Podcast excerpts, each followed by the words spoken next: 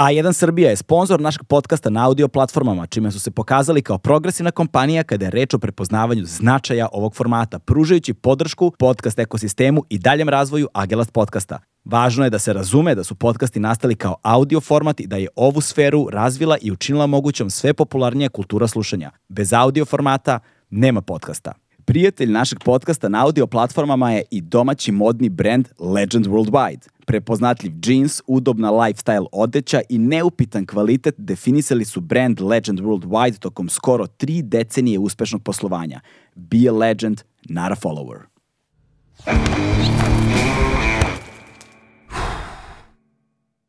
Hmm.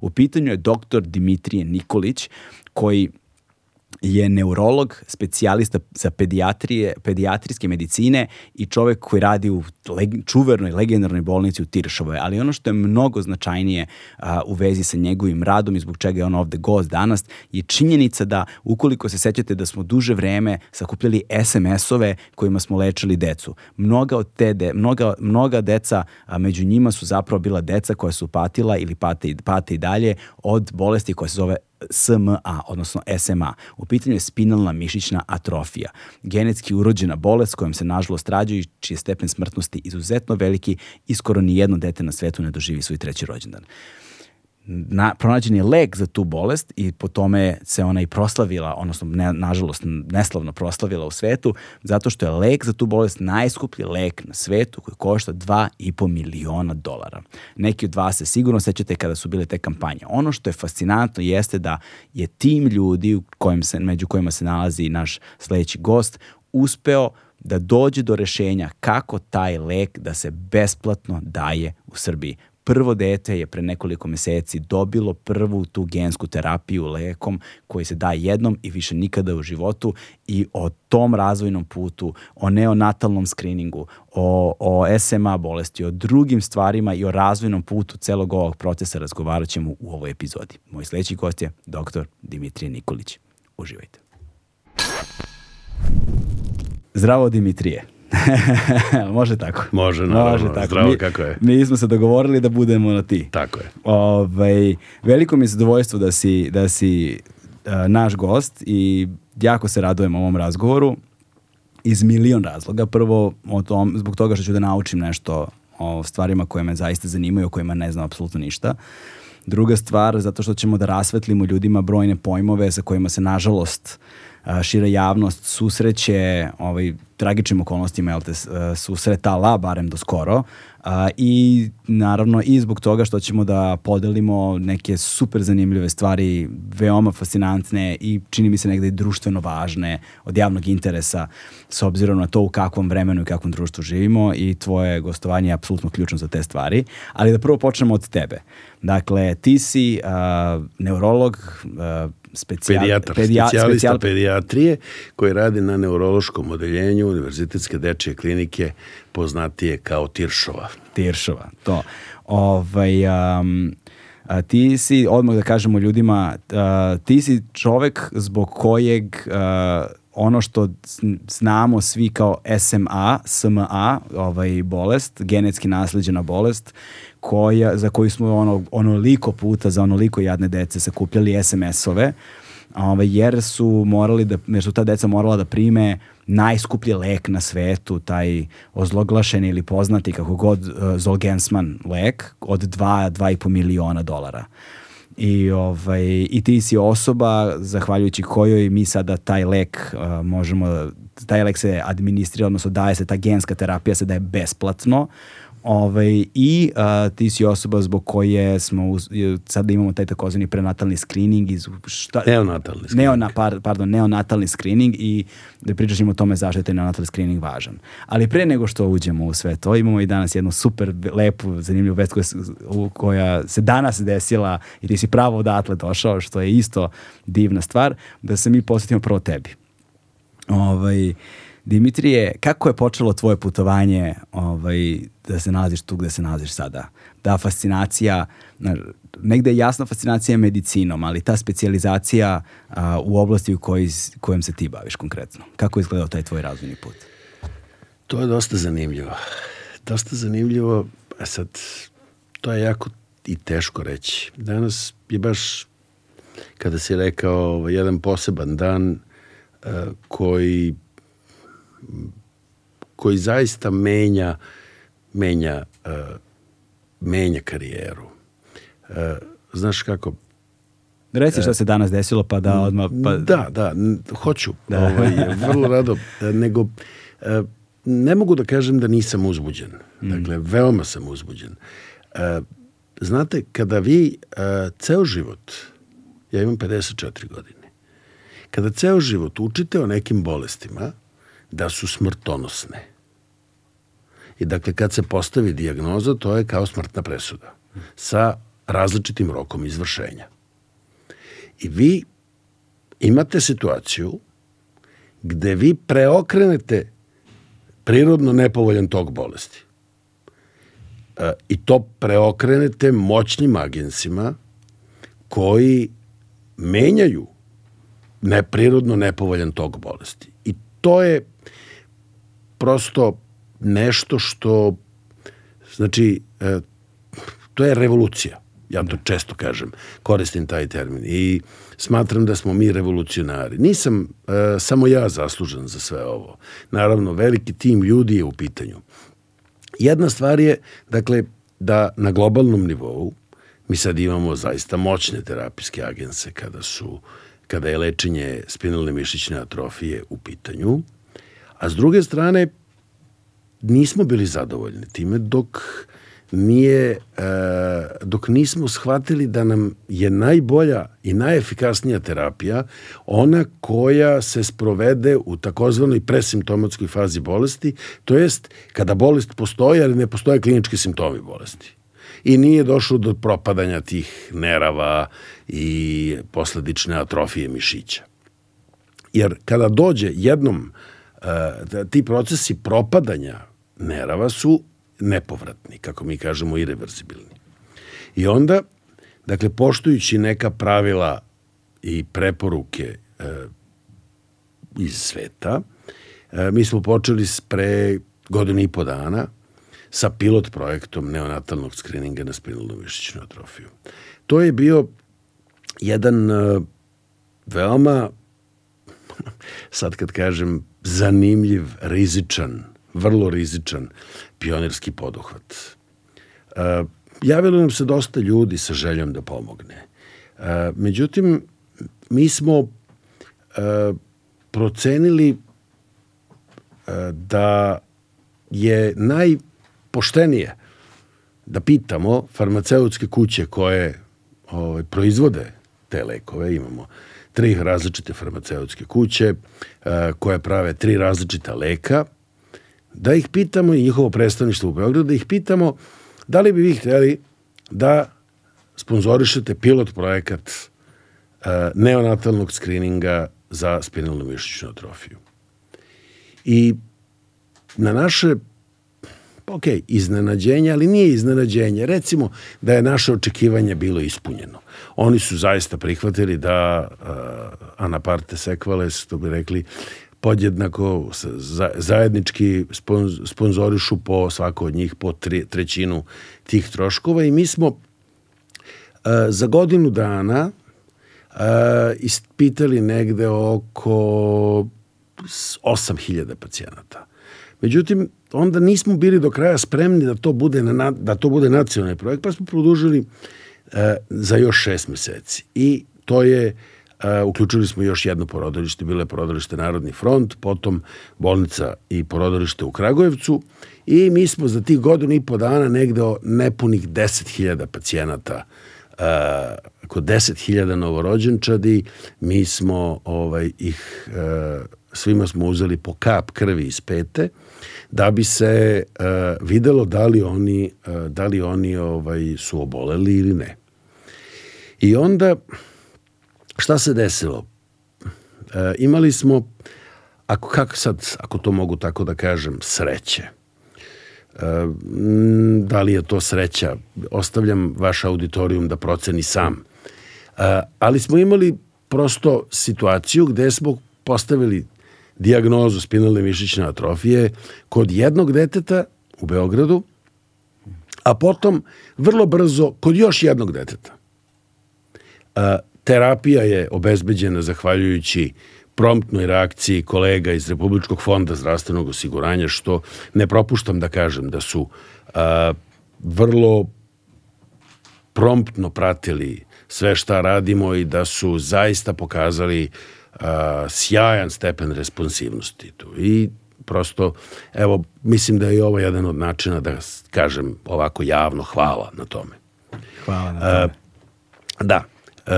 I onda smo postavili dijagnozu potom kod još jednog pacijenta.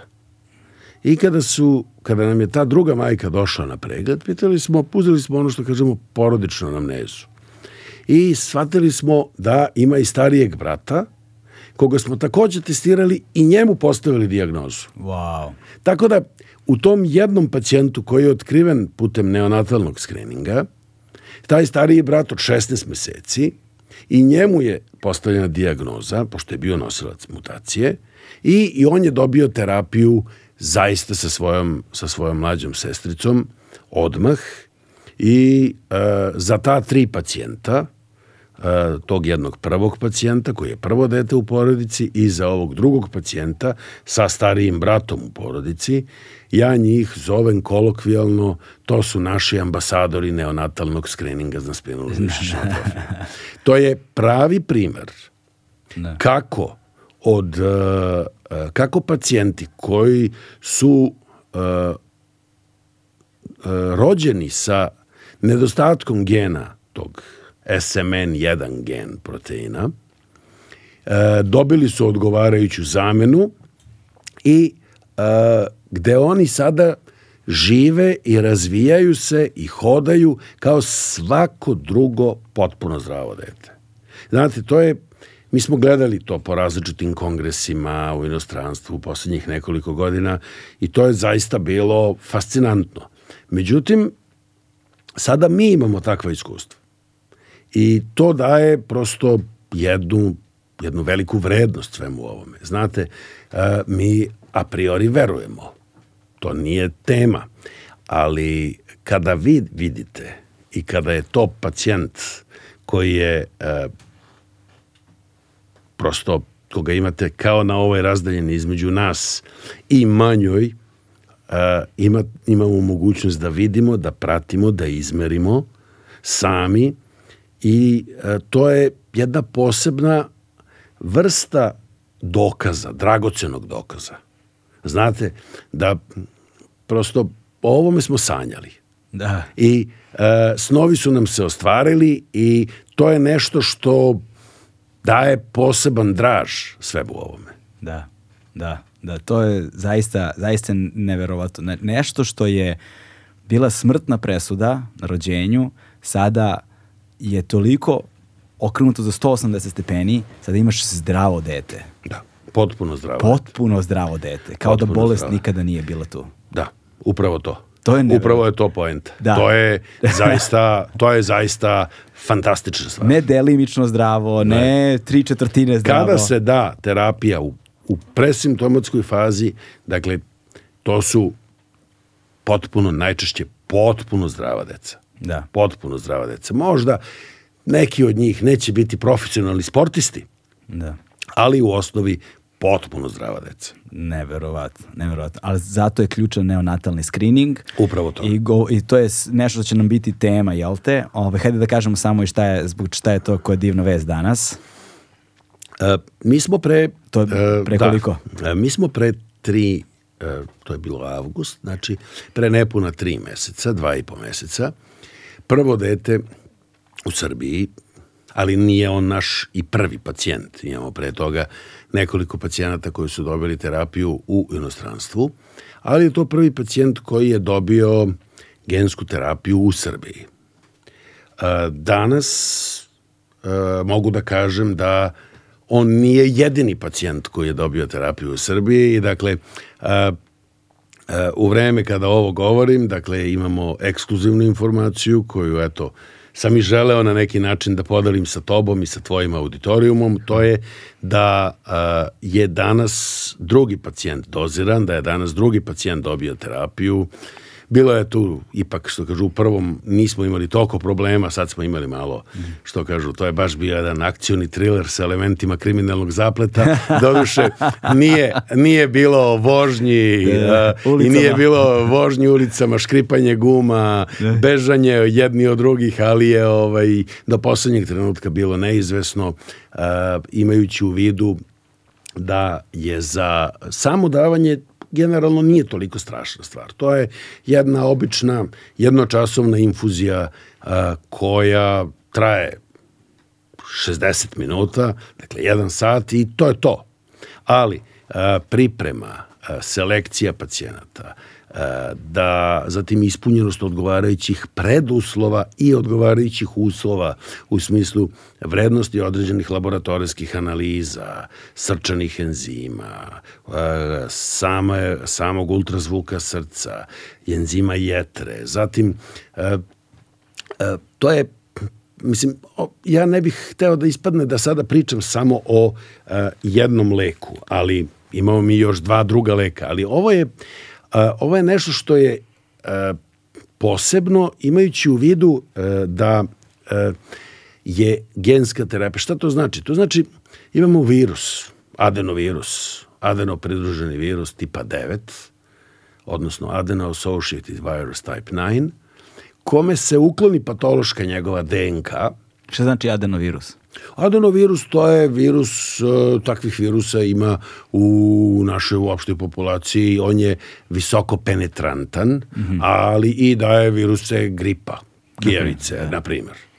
Ovaj, I, e, znači, ta infuzija sadrži adenovirus, e, kome je uklonjena njegova DNK, odnosno učinjen je da ne bude, da ne bude patološki za organizam, Mada ga organ, imunni sistem organizma doživljava kao strano telo i bori se protiv njega i pravi uh, pravi, što kažu, pravi, da kažem, nespecifičnu, nespecifičnu imunološku reakciju. Taj se virus uh, taj virus mu je uklanjena DNK. To je kao kada imate tank ogroman koji ima zavarenu zavarenu onu topovsku cev i onda je on u suštini samo jedan veliki kamion koji može da prođe svuda, ali onako prodoran, ali ne može da naškodi previše. Ne može da puca, ne može da ne može, ne da, može da, ne može da nanosi štetu, da. E, tako otprilike je ovaj tank koga smo mi koga mi ubacimo u organizam, on nosi sa sobom informaciju za sintezu tog jednog SMN proteina koji nedostaje kod ovih pacijenata. SMN1. Tak. SMN1, tako je. Taj uh, glavni, koji kada ne postoji informacija za njegovu sintezu, jednostavno nervi ne znaju da oni treba da se održavaju ne, i oni dolaze do propadanja. Kada pređe odgovarajuće kritično propadanje, tada to postaje u jednom momentu inkompatibilno sa životom. I mi, znači, uh, kompletnom organizmu, svim delovima tela, od jetre, eh, endotela krvnih sudova, kostiju, kičmene moždine, mozga, perifernih nerava, glatkih, poprečno prugastih mišića, u srcu, u svim, u plućima, to su dokazi nedvosmisleno utvrdili i potvrdili, eh, šaljemo informaciju za sintezu tog SMN1 gen proteina. Da, verovatno. I eh, de facto taj jedan izgubljeni gen koji ovi pacijenti nisu mogli da dobiju svojim rođenjem, uh, oni ga dobijaju, uh, taj tank, odnosno taj adenovirus, ga isporučuje i ta informacija je onda prosto dostupna celom organizmu. To je sad naravno skopčano sa potencijalnim, vrlo ozbiljnim, neželjenim efektima. I zbog toga je cela ova priprema veoma bitna i važno je da se tu ne napravi neka greška u koracima. Jer naša prijeva, prva premisa u medicini je primum non nocere.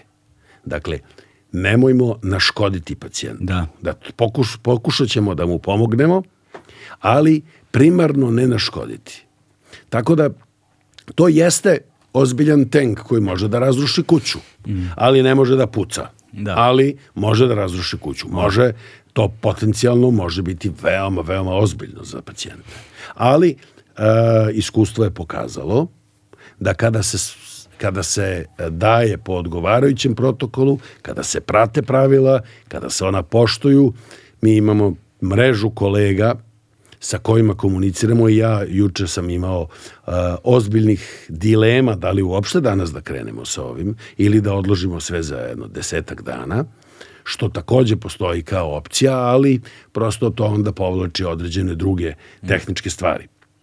Tako da mi smo imali intenzivne konsultacije, to je bilo zaista širom Evrope, su se ljudi rastrčali da nam pomognu i e, uspeli su da nam pomognu da donesemo odluku kakvu smo doneli, a to je da danas bude dozoran taj drugi pacijent. Pre koliko sati je to bilo? To je bilo pre to je bilo pre pet sati. Pre pet sati. Da. Jel dete i dalje u bolnici? Jeste, dete u bolnici, dete će ostati tu na posmatranju još nekoliko dana i očekujemo prve, e, prve nalaze kontrolnih analiza neke sutra, neke u, e, za dva, tri dana. Hmm.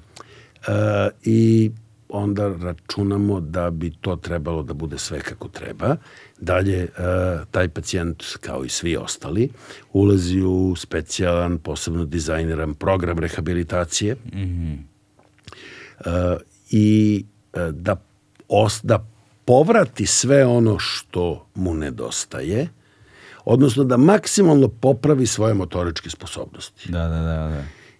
Tako da on ima zaista ozbiljne šanse da to bude kao i kod ovog prvog mm. pacijenta našeg ovaj, ima šanse da je bude fantastično Strano. i da bude revolucionarno. Sjajno. A1 je prvi prijatelj audio izdanja Agelast podcasta.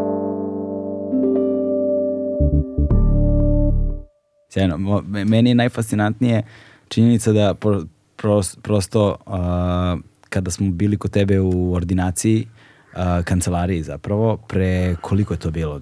Desetak. Deset, pre, pre desetak dana prisustvovao sam kada si se čuo sa majkom deteta i tada, tada na, um, jedna stvar je kada čuješ kroz medije, kada pročitaš na nekom portalu, kada saznaš preko interneta ili šta god, ali druga stvar je kada sediš fizički prisutan i svedočiš razgovoru kada, znaš, kažeš majici kako sada svi moraju da smanje broj kontakata svi članovi porodice, da li imate drugo dete, ako dete ide u vrtić u školu šta god, mora da se izuzme. Čuo da, se taj razgovor. Čuo da, taj da. razgovor, da se izuzme, da se da, smanji broj da, kontakata. Da. Dakle, dakle, dakle, mi govorimo Znaš, tada ti, tada ti stičeš sliku kao potpuni lajk koji sedi sa strane i posmatra, čovjek stiče sliku koliko je to zapravo ozbiljno.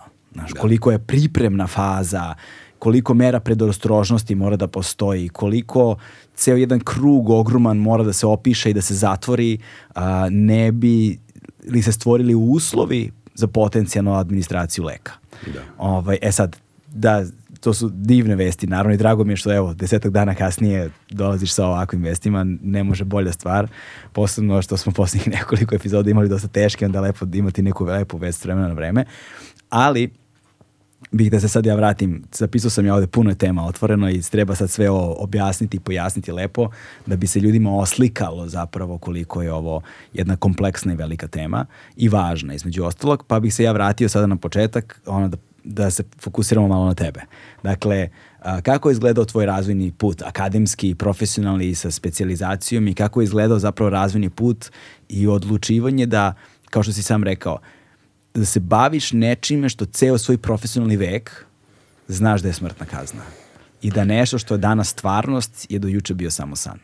Ali si ipak nekako bio u tome decenijama. Sad, kao kako izgledao te razvojni put i šta je to što, što, što te naravno tome privuklo u samom startu? E, Studirao si medicinski fakultet, pretpostavljam. e, ovo, je, ovo sad što ću da kažem, ja ne znam da li postoje tri osobe koje znaju. Sad će ih znati mnogo više. Da. ovaj, da. Kako je izgledalo? Pa, ja potičem iz lekarske porodice e, gde su mi oba roditelja lekari, i otac i majka. I nekako sam bio pod jednom vrstom diskretnog uticaja. Mm. U smislu da sam imao prilike da čujem različite stvari, da sam imao prilike da čujem kako se kako su oni u okviru svojih profesionalnih aktivnosti, svako na svoj način, pomagali ljudima i kako su imali određen stepen zadovoljstva učinjenim. A onda se desila, to je bila, onda se desila 85. šesta godina, to je bila moja srednja škola, profesorka iz biologije mm. u 11. Beogradskoj, čove nekadašnjoj, u Šumicama, Sećam mi se, je, da. mi je dala temu Tamo je bila sportska isto. tako, sad je to posle, da, posle sportska, sad Da, da, ne da. znam tačno Da, šta, da, da. ali da, to je to. Uh, mi je dala temu, kaže, ti imaš kontakte u medicini, ti ćeš sada da napraviš nama seminarski rad o AIDS-u, Aha, okej. o SIDI. Tada smrtonosnoj bolesti, koja je, uh, koja je harala i koja je kosila ljude. Kako? Pa vi dođete na najobičnu operaciju, primite transfuziju krvi, budete zaraženi virusom HIV-a i posle toga umrete. Prosto to je bilo užasno.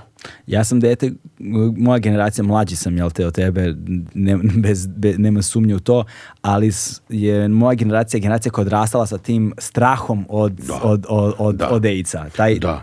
To, I ja sam, mi smo svi odrasli sa tim, znači otprilike vodite računa, vodite mere zaštite, to su samo različite seksualno prenosive bolesti i tako dalje, ali sve to manje više su lečive stvari, manje ili više ovako ili onako, ali ovo prosto je bilo smrtonosno. Da, da, taj- Jedan rizičan kontakt je značio, je značio s, a, ukoliko se pacijent, ukoliko se osoba zarazi, to je bila smrtna presuda.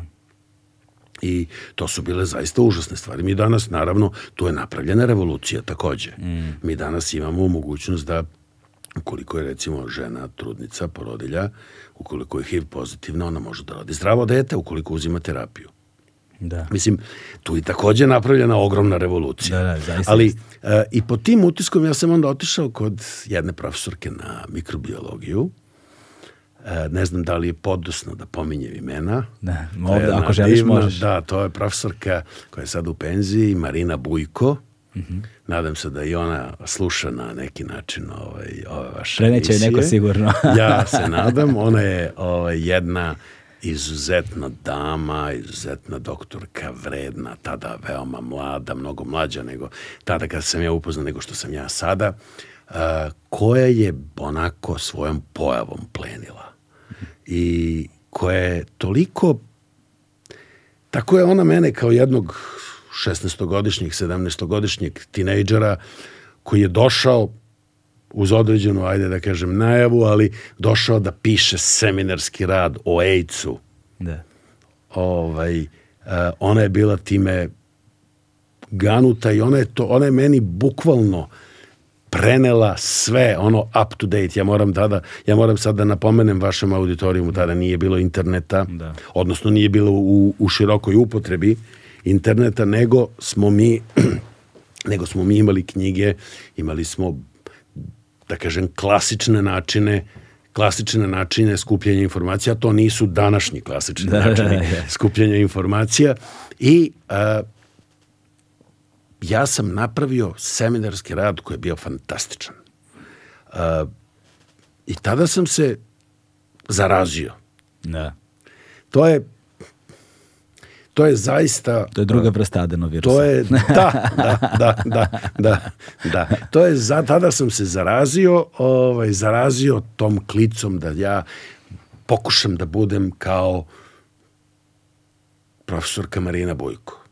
Prosto, i bilo je puno, molim sad da me, molim da, da, da, da moram da se izvinim svim nepomenutim a divnim ljudima a, koji su strašno uticali na moju karijeru, ali prosto ona je bila prva. Da. I a, jednostavno a, ja sam tada znao da ja moram da upišem medicinu. Onda pff, upisao medicinu kao i svi u toj generaciji, otišao posle u vojsku, vratio se iz vojske, krenula fakultet, onda je počeo onda je počeo rat.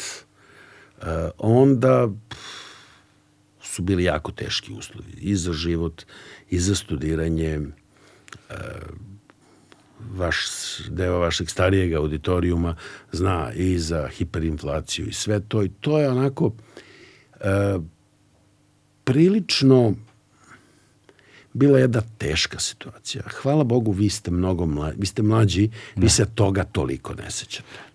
Dobro, A, ali možete da zamislite... Sećamo se. Ali. Možete da zamislite, recimo, a, mlade ljude u mojoj generaciji, tada sa 20 i kusur godina, Da, to- kako praktično a, imaju prvo restrikciju odlaska u inostranstvo, restrikciju nabavka naučnih informacija, putovanja, Restrikciju struje.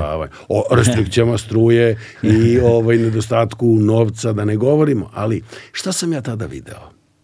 Ja sam tada video moje asistente, docente i profesore, lekare, koji predano rade, iako što bi rekao Balašević u onoj jednoj pesmi, mesečno namlate po šest maraka, bude za koji cipov kilo čvaraka, ako stignu na vreme. E,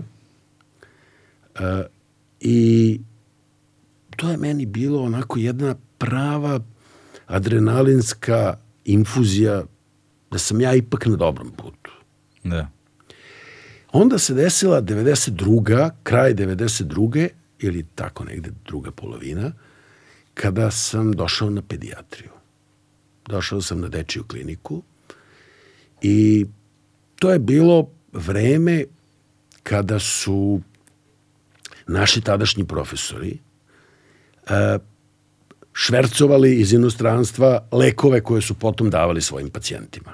Koristili svoje kontakte od e, iz 80. godina da bi e, nabavili lekove, da bi nabavili za džabe lekove. Mislim, to stvarno, ja sam to malo i zaboravio, ali to je bilo, kako da vam kažem, ja sam tada znao da ja, 92. godine, ja sam znao da ću ja biti pedijatar. Prosto sam znao.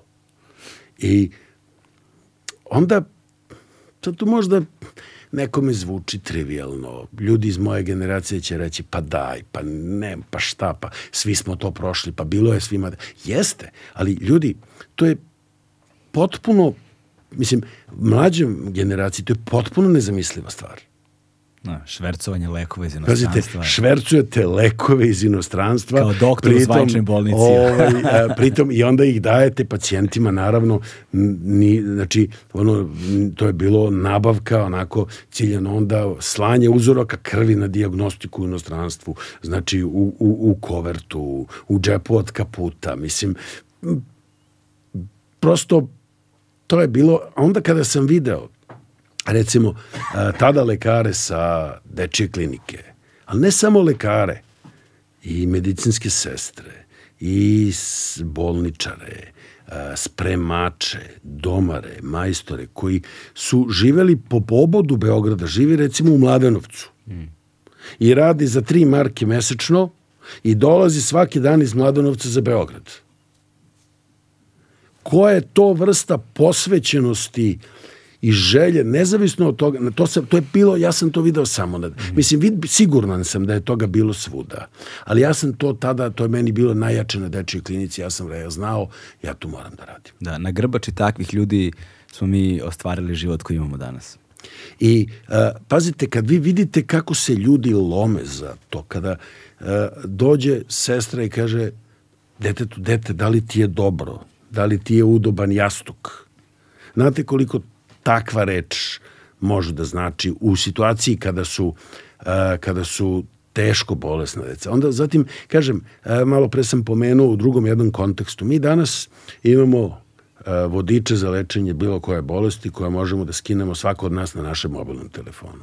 Tada te informacije su bile skupe, a mi smo posebno imali restrikciju ka informacijama kao država, kao društvo i tako dalje. Naravno, mi smo uvek nalazili načine i naši profesori su nalazili načine i doktori stariji nalazili načine da to malo relativizuju, ublaže i da to baš ne bude toliko i u tome su uspevali. Ali to je bilo onako, kako da vam kažem, to je bilo jedno fantastično, fascinantno vreme. Onda počinjem da radim i uh, saznajemo svi na poslu 95.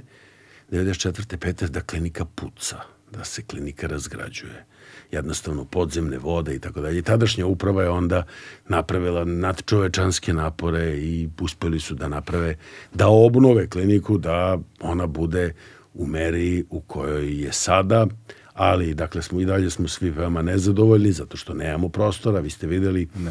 a, ti si video i prostoriju u kojoj sam bio, to je bila mala soba 2 sa 2 da, i 20 sve onako maleno pedijatrijski dečije rekao bih neonatološki.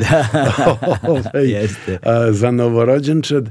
I a, prosto to je nekako, mi smo se onako kao one žabe skuvali u onako mlakoj vodi i mi smo prosto naučili na tako što opet možda i nije dobro, ali smo uh, naučili da prosto poštujemo pravila igre s jedne strane, ali da imamo i van kontekstualno rešavanje da. nekih Zna, svakodnevnih. Znaš šta, znaš šta me zanima? Zanima me kad uzmemo u obzir činjenicu koliko je to drugačije vreme bilo. Ali ne samo otežane okolnosti činjenicom da je Srbija i isključena iz međunarodne zajednice, da su mladi u Srbiji isključeni od Srbije same kao takve, da smo živjeli u vreme hiperinflacije, nestašice, uh, o ratu i da ne govorim ratnim posledicama, o jednoj kolektivnoj traumi, da ne govorim i tako dalje, restrikcijama struje, dakle nismo imali šta da jedemo, nismo imali struje kamoli da govorimo o lekovima ali takođe smo živjeli u jednom vremenu kada se mnogo manje znalo kada je medicina u pitanju nego što se zna danas. Tačno. Daleko manje. Posebno ako uzmemo u obzir teme koje su nam ovde sada centralne. Ovaj, kako je izgledala slika um, te dece koje su bila u toj bolnici u to vreme? Kako su izgledale ono, te kliničke slike, kako u odnosu na današnje vreme, kako je izgledalo snalaženje u okolnostima kada terapije koje su danas dostupne apsolutno tada nisu bile ni u mislima daleko. Mislima su bile daleko. Znate kako? I tada doktori su činili čuda. Mm. Mislim, to je to je baš uh, to su baš bile čuda oni su pomerali planine. I mislim, ne bih hteo da ovo zvuči kao patetika i žal za nekim vremenima. Mi radimo neke druge stvari. Mi radimo medicinu zasnovanu na dokazima, evidence-based, pratimo protokole, sve to stoji. I tada su pratili protokole, ali tada nisu imali sa čim da rade. Da. A, a, a jednostavno su se snalazili da bi obezbedili elementarne preduslove za rad. I to je recimo diagnostika je bila mnogo lošija globalno, ne zbog rata, nego. Da. I, ali nekako se to najmanje osetilo uh, uh, u, u, u, u okviru dečije medicine. Recimo, ja znam puno priča mojih kolega koji rade na adultnim uh, klinikama, znači gde se reče odrasli, gde se ne leče deca, kaže, ja, mi imamo problem, nama stoji operativni program zbog toga, jer nema krvi. To se kod nas nikad nije desilo nikada, ni 90-ih. Da. Mi smo kao jedna od dve dečije ustanove naj, najreferentnije u zemlji. A, a, mi smo uvek imali dečija medicina je uvek imala u ovom društvu prioritet. I to je jedno od velikih vrednosti mm. a, koje mi baštinimo evo, već mnogo decenija unazad daleko više od 3, 4, 5 decenija praktično, od kako je savremena medicina se sprovodi u Srbiji, mislim, ovaj, to je nešto što je jedna sjajna vrednost. Mm. I e, sad pogotovo u poslednjem periodu, poslednjih deseta godina recimo, kako imamo sad ovu sledeću tehnološki tehnološku revoluciju u terapijama, recimo. E, mi sad ovde govorimo o ovim neurološkim bolestima. E, ima tu raznih drugih bolesti, imamo multiplu sklerozu i kod dece, ne samo kod odraslih, i dišenovo mišićnu distrofiju i različite druge neke metaboličke bolesti. E, tada je postavljanje mm. takve diagnoze bila jedna vrsta smrtne presude. A danas, i to je razlog zašto ja ponovo pominjem i uvodim termin revolucija, to je zaista potpuno drugačije. Mi menjamo prirodan tok bolesti. To je kao kada inženjeri e, e, promene tok reke i stave je u neko drugo korito i onda ona više nije onako podevljala, nego je vrlo kontrolisana. Da, ali s druge strane ne, ne bih ja možda tu asocijaciju koristio ovaj, poređenje, to jest zato što uh, promenom korite originalne reke može da se nanese šteta tamo gde je nekada bila. Ovde nego, da, dobro, da, ovde, ovde možda, nego, nije, da, možda da, nije dobar primer, ali, ali ovaj, nije možda dobar primer, a, da. a, e, slažem se, da. ali slažem se potpuno, ali jednostavno a, a, nekako, znate, kada vi vi napravite nešto što se zove izlečenje. Da. A ranije smo znali da su šanse blizu teoretske nule. To je praktično nula i gde vi imate recimo neke forme, na primjer, leukemije, neki for, neke forme tumora od kojih se umiralo sa izvesnošću od 100%, danas je e, izlečivost praktično skoro 100%. Znate, to su fantastične stvari. I da. mi sada prisustujemo zadnje godine revoluciji u neurologiji hmm. i u lečenju neuroloških bolesti dečijeg uzrasta. I ovo je jedan od tipičnih primjera. I dakle, da se vratim na ovu priču. I ja sam gledajući, gledajući i prolazeći svoju specijalizaciju iz uh, pedijatrije, obilazio različita odeljenja, puno sam se zadržao na kardiologiji, puno sam se zadržao u opštoj pedijatrijskoj ambulanti. Ne mogu a da ne pomenem moje uzore, primario se doktora Janka Milićevića, koga starija populacija Beograđana, ali i Srbije, veoma dobro poznaje jedan, nažalost, pokojni predivni Hercegovac, e, koji je, pored toga što je pre svega bio dobar čovek, bio izuzetan diagnostičar u vreme kada nismo imali e, ili kada smo imali vrlo skromne ultrazvučne aparate, koji je znao da posavetuje roditelje do u detalja šta da rade, kako da rade. Vi sad imate mogućnosti da napravite ili da kupite gotovu hranu ili da je pripremite tačno. On je, dakle, u svojoj glavi imao na pamet sve moguće preporuke, recepte. Uzmite dete, stavite ovako, stavite onako. Stavite toplu, toplu ovaj, toplu pelenu preko stomaka da bi dete, da bi dete tu smanjili grčeve ili tako dalje i tako dalje. Zatim, a, mog prvog mentora koji je mene dodatno, što kažu, zacementirao za pedijatriju, profesora Slavka Simeonovića, deče kardiologa, a, a naravno čovek koji je mene na kraju potpuno formirao kao lekara, to ja njega zovem, to je moj alter ego, ovo je šala naravno, mm. Uh, ja sam Dimitrije Nikolić, a on je Nikola Dimitrijević. I to su dakle, ovaj, to su dakle prosto takve, tu su takve zgode bile, da. takve anegdote kada dođu pacijenti i kada traže, tražimo onog visokog doktora, da, da. mršavog, tada sam bio i, i mršav i sa puno kose, a on je i dalje i visoki mršav i sa puno kose i nisam bio sed, ni on nije bio sed, nije ni sada. Ovaj, I onda kaže, koga hoćete? Hoćete li Nikolu Dimitrijevića ili Dimitrija Nikolića? Da, da. I to je bilo večito onako, ovaj, e, večito onako jedna, jedna prepuno anegdota, ali dakle, na stranu taj deo, ovaj, u stručnom smislu je profesor Dimitrijević uh, meni pomogao uh, da dodatno se ne samo prenošenjem stručnih znanja, stavova, preporuka, saveta, već i a, dodatno je osnažio ono što sam već imao i što sam već video kod svih ostalih, a to je jedna dodatna, mislim, to sad ne znam, prosto je jako teško reći, jedna dodatna humana dimenzija. Mm.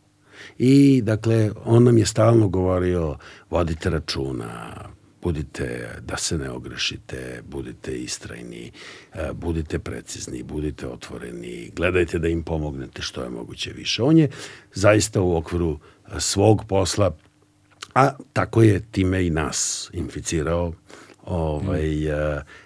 prosto nam je preneo te neke vrednosti koje su veoma važne, veoma važne za uh, formiranje svakog lekara. I to je nešto što ja sad pokušavam kako s lekarima koji dolaze tu kod nas na specijalizaciju, tako i studentima uh, i uh, mladim ljudima koji dolaze na edukacije različite vrste, da prosto taj jedan uh, korpus shvatanja, razumevanja, ponašanja i uh, delovanja u okviru uh, posla, dakle, da prosto nametnem kao, da. uh, kao nešto što treba da bude ideja vodilja tim ljud, mladim ljudima. Naravno, ja, ja kažem, to vam je samo preduslov. Hmm.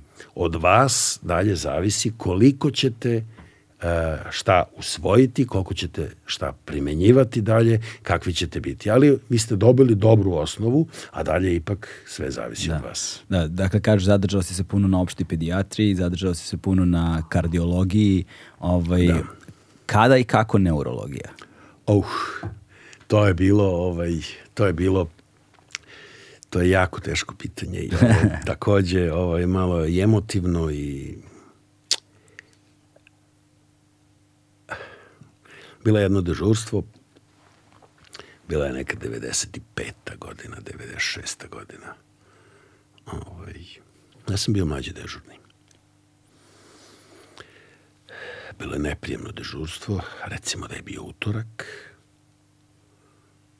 Na kardiologiji je ležao dečak u terminalnoj fazi bolesti, sa, dečak sa dišenovom mišićnom distrofijom ja sam sledećeg dana trebao da odem da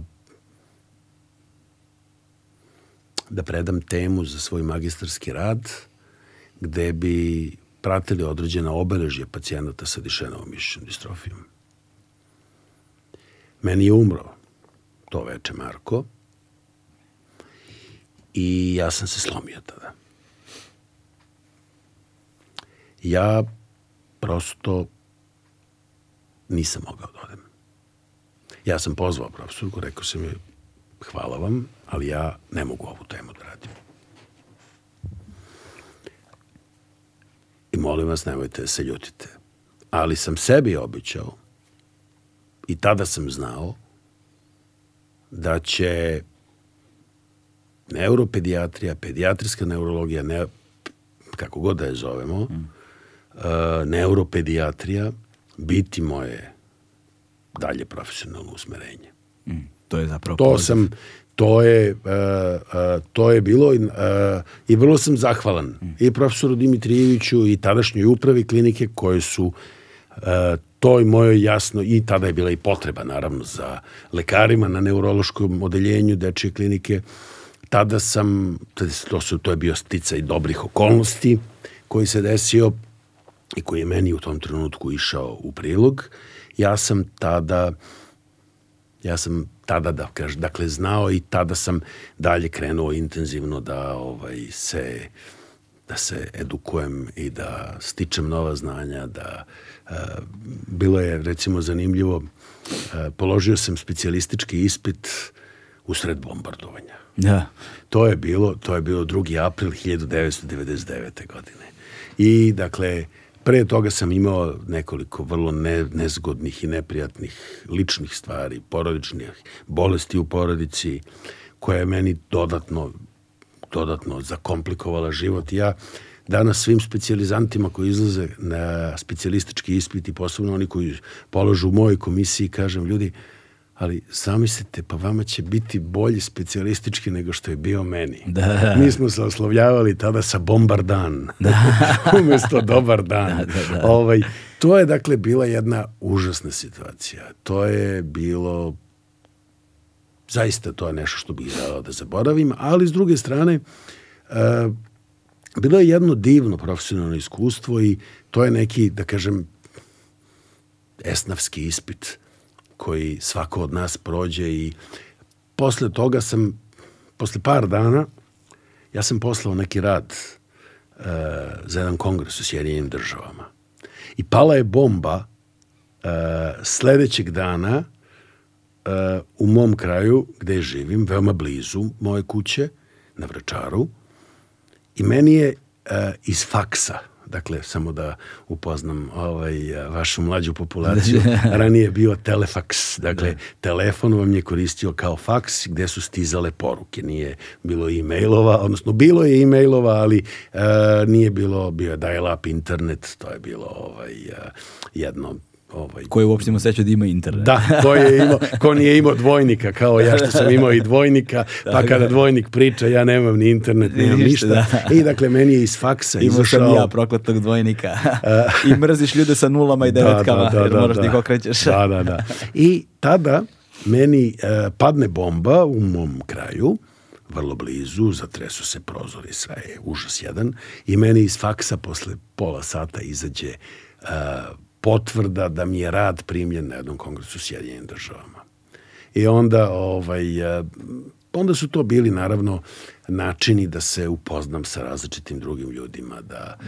malo izađem, da kao tada čovek od 30-31 godine ovaj, izađe malo van okvira, da pored onoga što smo mogli da čitamo u knjigama, da je to imamo i neki direktan live kontakt, da imamo mogućnosti da napravimo neku saradnju i tako mm. dalje. I onda je de facto ta neka taj neki uh, uh, među prvim odlascima napolje uh, pomogao mi da eto dalje proširim saradnju, prijateljstvo, profesionalne kontakte sa velikim brojem ljudi i da ga dalje održavam i da to sad mm. prenosim svojim mlađim saradnicima e, da da ovaj e, nadajući se da će oni biti bolji, uspešniji ne. sa više kapaciteta nego što sam to ja i što je cela moja generacija i generacije pre nas i to je de facto jedan veliki legat koji ovaj koji ovaj bi želeo dalje da prenesem. Mada imam ja još dosta ovaj, da. da, da pružim, ovaj, ali bez obzira ovaj, mlađim generacijama. O, I sad tim pre je fascinantno zapravo, evo danas sedimo ovde kada je druga genska terapija u Srbiji data ovaj, dečaku ili devojčici? De, devojčici. Devojčici, drug, data devojčici, ovaj, toliko godina nakon što si doživeo ovaj, situaciju sa malim Markom u istoj toj bolnici. A, do duše, već si nekoliko puta pomenuo dišenovu mišićnu distrofiju, ovaj, sad nju ne treba pobrkati sa spinalnom mišićnom atrofijom, da, to je da. druga bolest. Ovaj, ali da li je i, i koliko, koliko se sećam da si rekao da, se, da je nasleđuju isključivo muška deca, da. miš, i, ali je prenose majke, da, tako? Da. Preko, po preko X hromozoma. Preko X hromozoma, da. to. Ovaj, ali je potpuno druga bolest. Da, spinalna mišićna atrofija, evo sad vidimo i pokazano i dokazano, uh, menja se tok te bolesti i imamo srećom zdravu decu koje posle rano rehabilitacije i tako dalje izlaze potpuno zdrava, ali kakva je situacija sa dišanom mišićnom distrofijom, a, koliko smo daleko od od rešavanja nje i ako bi nam rekao zapravo šta je tačno dišano mišićna distrofija i koliko je česta uopšte? Pa, nažalost, dosta je, dosta je česta. E, dakle, kao što si rekao i sada u najavi, dakle, obolevaju muška deca, a prenose majke. E, postoje dva tipa bolesti. Ovaj najteži, to je dišenova mišićna distrofija i postoji taj jedan blaži klinični, isti tip nasleđivanja, uh, Beckerov tip. Taj gen za distrofin, to je najveći gen u ljudskom organizmu koji je negde 2,4 kilobajta, recimo, veliki. To je ogroman gen. I e, najveći broj pacijenata se danas može diagnostikovati metodama molekularne genetike. Još uvek... Izvini, moram da pitam, šta znači najveći gen? I, i, i od, To čega, znači- od čega to zavisi i na što utiče veličina određenog gena? I zašto se meri u kilobajtima? Pa kilobaza u A, stvari. to da. kilobaza. Uh, zato što uh, postoje te neke, uh, postoje te neke uh, esencijalne uh, određene uh, ami, odnosno određeni proteini za sintezu određenih aminokiselina koji ovaj gde kada ne postoji odgovarajuća informacija usled nedostatka kao po sličnom obrazcu kao za SMA uh, usled nedostatka ili defekta gena koji ne daje pravilnu informaciju za sintezu određenog proteina, onda imamo razvoj kliničke slike. To je kao kada, recimo, pravimo ručak po nekom receptu, ali imamo nepotpun recept. Mhm, ok. I onda imamo razvoj kliničke slike koji je, nažalost, kod ovih pacijenata uh, u najvećem broju uh, situacija veoma fatalan. Šta je, šta je proizvod zapravo te nepotpune? dolazi, uh, dolazi do razvoja kliničke slike uh, gegavog otežanog hoda, uh, srčane insuficijencije, dilatativne kardiomiopatije, uh, propadanja mišinja, mišića, zamenjivanje mišića masnim vezivom, mm. deformiteta kičmenog stuba, uh, donjih ekstremiteta, slabije pokretljivosti, a posle, uh, usled uh, srčane insuficijencije, na kraju dolazi do, uh, oni umiru zbog akutnog zatajivanja srca i popuštanja srca kada je to kada je dalje prosto... Koji, koji je životni vek? Životni vek je od 20 do 30 godina. Wow, znači to je... Znači, Ali namuči se čovjek. Praktično da, kod ovih sa blažim tipom može biti nešto duži, ali dakle, obično negde posle 10. 11. 12. godine uh, oni gube sposobnost hoda, uh, sile pre, dolaze u kolica uh, i postoje neki lekovi, neki kort, zovemo ih kortikosteroidima, koji kada se daju malim dozama produžavaju period uh, da kažem, odnosno pe- period dok oni mogu da hodaju. Ali, ovaj, e, e sad, tu imamo takođe revoluciju. I to je nešto sa sa čim dolazim i danas mi je ceo dan uh, imajući u vidu i ovog pacijenta koji je dobio gensku terapiju, ali i neke pacijente koji dobijaju sada tu exon skipping 51 terapiju. Uh, danas mi je na pameti ona pesma to bi mogli negde da možda pustite okačite link, kaže svet je lep kada sanjao. Zaista, ovaj, a još je lepši kada se snovi ostvare. I mm, da, ja, evo, svedoče mi roditelji dva dečaka, jedan dolazi kod nas utorkom, drugi dolazi sredom na svakodnevne terapije, po celodnevne. Uh, oni kažu, zajednički sublimat onoga što kažu, oni kažu, doktore, naš sin ponovo može da trči. Mm. Govoriš o, o pacijentima koji pate od dišenove mišićne distrofije. da, ok. da. E, I oni sada u okviru određenih procedura studijskih e, primaju taj jedan čuveni lek i ovaj oni zaista e, to je zaista na naše oči. Ja sam tražio da mi pošalju video zapise pre terapije i evo sad, posle nekoliko nedelja terapije, to se, to je prosto evidentno, to je neverovatno. To je neverovatno. Ali ima čuda još. Uh, uh, imamo poseban dragulj i nešto što je opet uh, da, zaista se slažem sa tobom. Ova vrsta forme emisije je veoma dobra. Ja ovo nikada ne bi mogao da kažem u nekom kratkom formatu intervjua.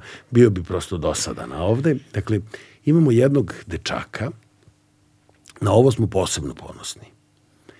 Uh, postavljena je dijagnoza takozvano dišenova mišićne distrofije, ali ima, postoje te neke takozvane besmislene mutacije.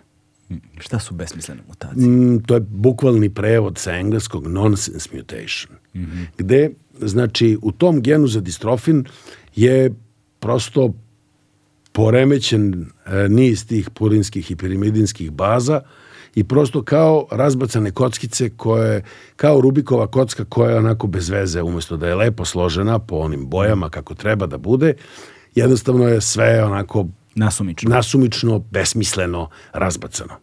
I Šta je uzrok toga? pa isto, mislim, mutacija u genu za Da, da, da, distrofin, da. isto se Ali prenosi znamo, po ali znamo kako ta muta... A da, mislim, prenosi se po majčinoj liniji, da, sve, da, da, da, da. E sad, Ali koji je izvor, izvini što, što, pitam, mene zanima, e, da li znamo e, ono, etimo, etimologiju, ono, razvoj, kako se taj, kad, gde je taj gen mutirao u, u istoriji ljudske rase, ono? m, to je jako teško. predvideti. Da, znam, To možda, da je teško, Možda ali- bi genetičari mogli Da.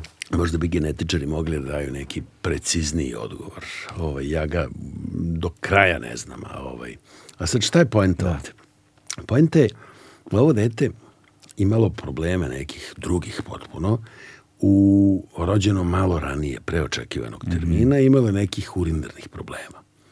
I a, a, šta se desilo? Sestra je umjesto da uzme laboratorijske vrednosti ureja, kreat, ureja kreatinina, ona je uzela transaminaze, dakle jetrine enzime, i videla ogromno povećanje transaminaza, kao da dete ima, i pokazala to doktoru. Doktor je to uputio gastroenterologu kod nas. Kaže, vidite, ovo dete ima neki hepatita, ali nije žuto, otprilike tako je bilo krenulo. Gastroenterolog, to su sad naši iskusni doktori i e, na koje smo ponosni, oni kažu, ali ovo nisu jetrine transaminaze. Ajde mi to da pošaljemo Dimitriju u neurološku ambulantu da pogleda on ovog pacijenta, ovo je dečak. Naravno, sumnja je već bila bačena, oni su odmah ispravno pretpostavili da se radi o a, dišenovom mišljenju distrofiji. Mi smo uradili taj jedan enzim kreatinkinazu, koji je bio više hiljada poviše, normalno je do 300-400, recimo, zavisi od laboratorije. To je bilo više hiljada, negde 5, 6, 7 hiljada i to je već bilo onako ozbiljno. Su, dete je bilo bez ikakve kliničke slike u uzrastu od šest meseci. Pet meseci kad je prvi put došlo kod nas, zahvaljujući to nekoj međunarodnoj saradnji, jednoj laboratoriji u inostranstvu, mi smo uh, uzeli kap krvi iz pete, spakovali u koverat, poslali u tu jednu laboratoriju i posle nekog vrlo kratkog vremena nama je stigao pozitivan nalaz da se radi o besmislenoj mutaciji.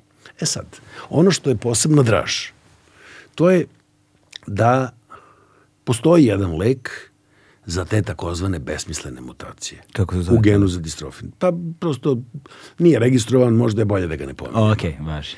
Uh, ne bih želeo da vaš auditorijum stekne uh, utisak da sam ja ambasador određenih, A, jasno, jasno. Ne, uh, farmakolo- određenih farmaceutskih- farmaceutskih industrija, jer nisam. Da, da. Jer uh, i kao i za spinalnu mišićnu atrofiju postoje tri leka. Postoji ta genska terapija koja je kao najskuplji lek na svetu. Postoji taj oralni sirup koji se daje kao druga mogućnost ili kao treća mogućnost ili prva mogućnost, kako god ta neka, kako mi kažemo, intratekalna formulacija koja se daje putem lumbalne punkcije.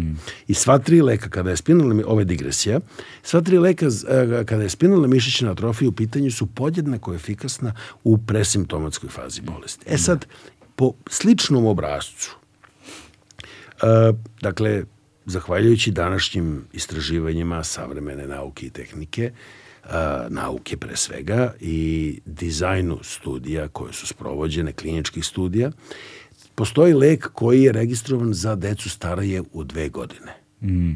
Dakle, sada i tam postoji čak i opcija da se govorimo o... O, o leku za dišenovu diše- mišićnu da, da. distrofiju, takozvane besmislene mutacije, da. za, u genu za distrofin. Ja, ok. Usled koga imamo karakterističnu kliničku sliku dišenove mišićne distrofije uh, kod naših pacijenata.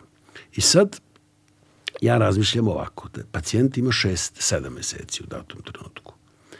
A, ja, ako bih podneo zahtev Fondu zdravstvenog osiguranja, ja da sam direktor, ja bi taj zahtev odbio. Prema tome nisam ni imao iluziju da će ga oni prihvatiti. Zašto? Iz prostog razloga jer je lek registrovan za pacijente starije od dve godine. Jasno. Ali ukoliko se ne leči pacijent, onda će brže doći do razvoja kliničke slike, ali prosto to su vrlo striktna pravila koje se u medicini moraju poštovati mm. i tu nema izuzetaka. Iako možda postoji opravdana pretpostavka da bi moglo da bude drugačije. Međutim, i tu postoji način. Sticajem okolnosti, ja uh, sam pre jedno četiri godine, mm. pre nesretne COVID, korone, na jednom kongresu, uh, prilazim i, ja prolazim sa grupom kolega, idemo na neko predavanje, on me zaustavi jedan čovek i kaže, ste vi doktori? Rekao, da, jesmo. Ne. Ovaj, a, pa kaže, jel imate pacijente sa dišenovom mišnim distrofijom? I, I ja kažem, pa da, imam. Ovaj, pa koji vam je, koliko su vam stari pacijenti? I ja rekao, sačekajte samo da pogledam u telefonu i pogledam, otvorim e-mail svoj i kažem, rekao, evo ovaj jedan ima 14, ovaj drugi ima 17 meseci, što je užasno rano mm -hmm. za dijagnozu. I ti pacijentima je postavljena slučajna dijagnoza. Poslali su, poslao mi je moj profesor Perešić, gastroenterolog. Uh, I ja kažem 14, a ovaj drugi 17 meseci. E, da, to je nemoguće. Koju mutaciju imaju? Tako ide razgovor. Da. Između tog čoveka koji je zastupnik te neke firme koja ima taj lek i ja kažem, pa reko, koju mutaciju ima? Ja mu kažem koja je mutacija. E, kaže, to me ne zanima. Evo moja vizit karta, ovaj, i ako imate pacijenta sa besmislenom mutacijom, javite mi se, ja ću da mu obezbedim terapiju. Mislim, ja se setim tog razgovora posle uh, dve i po godine, mm -hmm i izvučem njegovu vizit kartu i sad Či nisi ja njemu, bacio vizit kartu? Ne, ne, ne, ja to čuvam, imam posebno, imam još uvek, to je jedan od mojih atavizama, danas smo svi u digitalnom dobu, da. ali dakle imam vizitare koji su iz prošloga da, veka, imam da. ogroman broj vizitara i zaista skupljam i e, vizit karte i čuvam i to svaka je hronika čast, jednog čast. vremena i to je posebna priča, ali ja Zoveš. Ja, ovaj, ja uzmem i on je čovjek ostavio svoje sve kontakte i telefon i e-mail i tako dalje. Ja njemu napišem lepo Dear, Dear Juri i napišem mu imam pacijenta koji ima to, to, to i to. On kaže možemo li da se možemo li da zakažemo conference call uh, sad, imam, sad imamo te sve platforme. Jasno, da, Zoomovi i ostale, da. Zoom, Teams i sve ostalo, nebitno. Uh, Ja kažem naravno i ovaj, ja u tom trenutku na godišnjem odmoru. I naravno telefon čuda čini i sad on kaže pa znate vi možete dati lek e, onako što kažu kod pacijenta koji je i mlađi od dve godine. Pa rekao da, ali to nema ko da plati. Kažem ja. Koliko košta lek? E, prilično je skup. Baš je dosta skup. Ja opet nemam tu informaciju, ali reda veličine nekoliko, recimo, red od 5 do 10 hiljada eura na mesečnom nivou. Mm, skup, da. Ovo je dosta skup. Uh, I ali ne, nemam precizne informacije. Jasno, Molim, jasno, nemojte me držati ne. za reč. Nećemo, ne vreme. Uh, I uh, ja kažem, rekao, dobro, ali pacijent ima sedam meseci. Imate li vi kliničke podatke za efikasnost vašeg leka u presimptomatskoj fazi bolesti. A on kaže, na tom sastanku, video sastanku, a on kaže, pa nemamo. A da li bi želeli da ih imate? Jo, da, kako da ne? Pa evo, postaću vam pacijenta, uključite ga u studiju i e, eto, imaćete, a pacijent će dobiti lek. Da. Svi srećni. I, uh, svi srećni. Sad, pazite, to je bila potpuno, oni nikad takav zahtev nisu imali. Ni od koga u svetu. Da, da. I a, on kaže, dobro, kaže, molim vas samo, ja moram sad da se međusobno dogovorim i sa svojim kolegama i sa pretpostavljenima, da vidimo da li bi mi imali takav interes. Svakako, meni ovo sve što ste rekli zvuči logično. Ja mislim da bi to mogli mi da napravimo, ali ajde kao da ja, dajte mi malo vremena. I ovaj, ja, ja naravno posle par dana on meni šalje ovaj, e-mail i kaže molim vas ako možemo ponovo da zakažemo sastanak ja ponovo između ovaj, odlaska na plažu. Ovaj, i dakle jednog porodičnog odmora ja opet nema ovaj, odmora za tebe. nema odmora dok traje obnova. I ovaj dakle krilatice od posle drugog svetskog rata koja stari mnogo stariji od mene se toga sećaju. I mi zakažemo ponovo sastanak i mi se otprilike dogovorimo da ovaj uh, pacijent ode u Sjedinjene države, u Atlantu, gde se sprovodi studija i on je dobio, uh, evo, tokom dve i nešto više godine, taj lek potpuno besplatno. Tu je naravno bilo opet gomila problema, tipa... Uh, od praktično formalnih, to sad zvuči svima ovako trivialno, recimo, oni treba da pozovu uh, problem oko izdavanja vize. Mm. Kakav problem?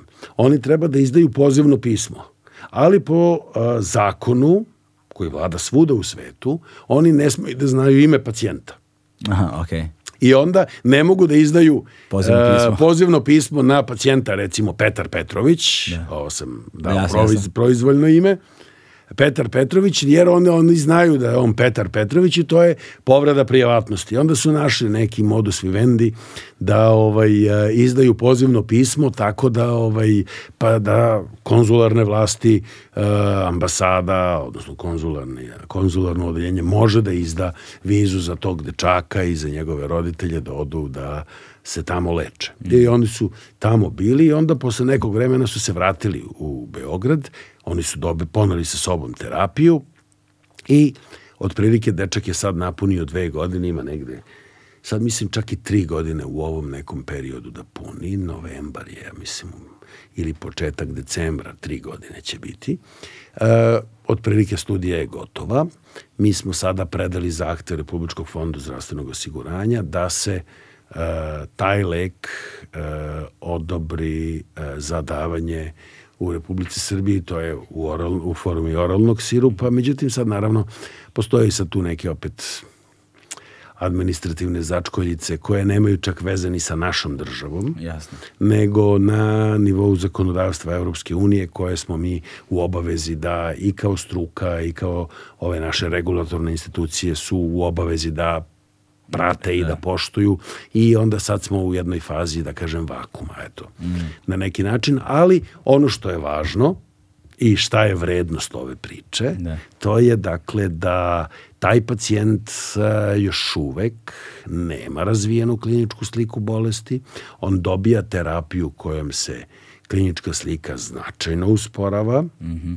On potpuno normalno funkcioniše, malo je trapaviji, ali dakle sve je, ne bih se, ne bi se reklo da ima razvijenu kliničku sliku bolesti, što se već sa tri godine može, onako što kažu, i neko ko čak i nije u, u struci bi mogao da ovaj, pretpostavi. Tako da, još uvijek, da kažem, laički rečeno ne vidi se da je bolestan. Eto. Jasno, jasno, jasno. Ovaj, tako da to je jedna naša mala pobeda koju smo wow. ostvarili i to je jedan dragulj, i to je prvi pacijent u Evropi, po mom uh, saznanju, da je dobio terapiju u presimptomatskoj fazi bolesti. U presimptomatskoj da, fazi bolesti. Da, dakle, da. nama je izgleda davanje terapije u presimptomatskoj fazi bolesti ovde je jedan od glavnih motiva. Ključ. Klju, da, ključ, ključ za razumevanje ove vrste problema ovaj, i za razumenje ove vrste problema u buduće, potencijalno, a, što će nam onda kad budemo stigli do neonatalnog skrininga tim pre mu dati na značaju da. i uvođenje njega u Srbiju što je veliki poduhvat. Um, kada si se prvi put u životu susreo sa spinalnom mišićnom atrofijom, a van, van, van učbenika, van literature? Na vežbama iz pedijatrije te 92. godine. Tada smo videli, dakle, dete i sve ono što može da se vidi u učbenicima i dakle onako jedno mlitavo odojče i dakle to je prosto ovaj, tada smo znali i to se već ta deca su po pravilu umirala vrlo brzo. Oko dve godine starosti mi čini se bio. Znači ovako e, prema statistikama znači pacijenti sa tim takozvanim Verdnik-Hoffmanovim tipom bolesti uh, uh, on prilike 60% njih preživi 8 meseci, 40% umre u prvih 8 meseci. Negde do nekih 15-16 meseci preživi možda još negde 20, preživi 20%, a svega 8% preživi 20 meseci i niko ne doživi treći rođendan. Mm. E, to, je, to su pacijenti sa tipom 1 bolesti. E, koji su nelečeni. To smo imali kao situacije. Recimo, imao sam prilike da pregledam pre nekoliko godina jedno dete, zamislite koliko su to okrutne, etički okrutne kliničke studije, ali prosto regulativa je takva bila. To je bilo u vreme kada je ova intratekalna formulacija koja se davala putem lombalne punkcije. Kada su sprovođene kliničke studije, to je bila placebom kontrolisana studija. Oh. To znači da postoji jedan mali procenat pacijenata koji e, ne zna se, znači koji dobiju placebo, odnosno inaktivni lek, kako ga mi zovemo, odnosno šećernu vodicu, šta god. Kao A, kontrolna grupa. Kao kontrolna grupa.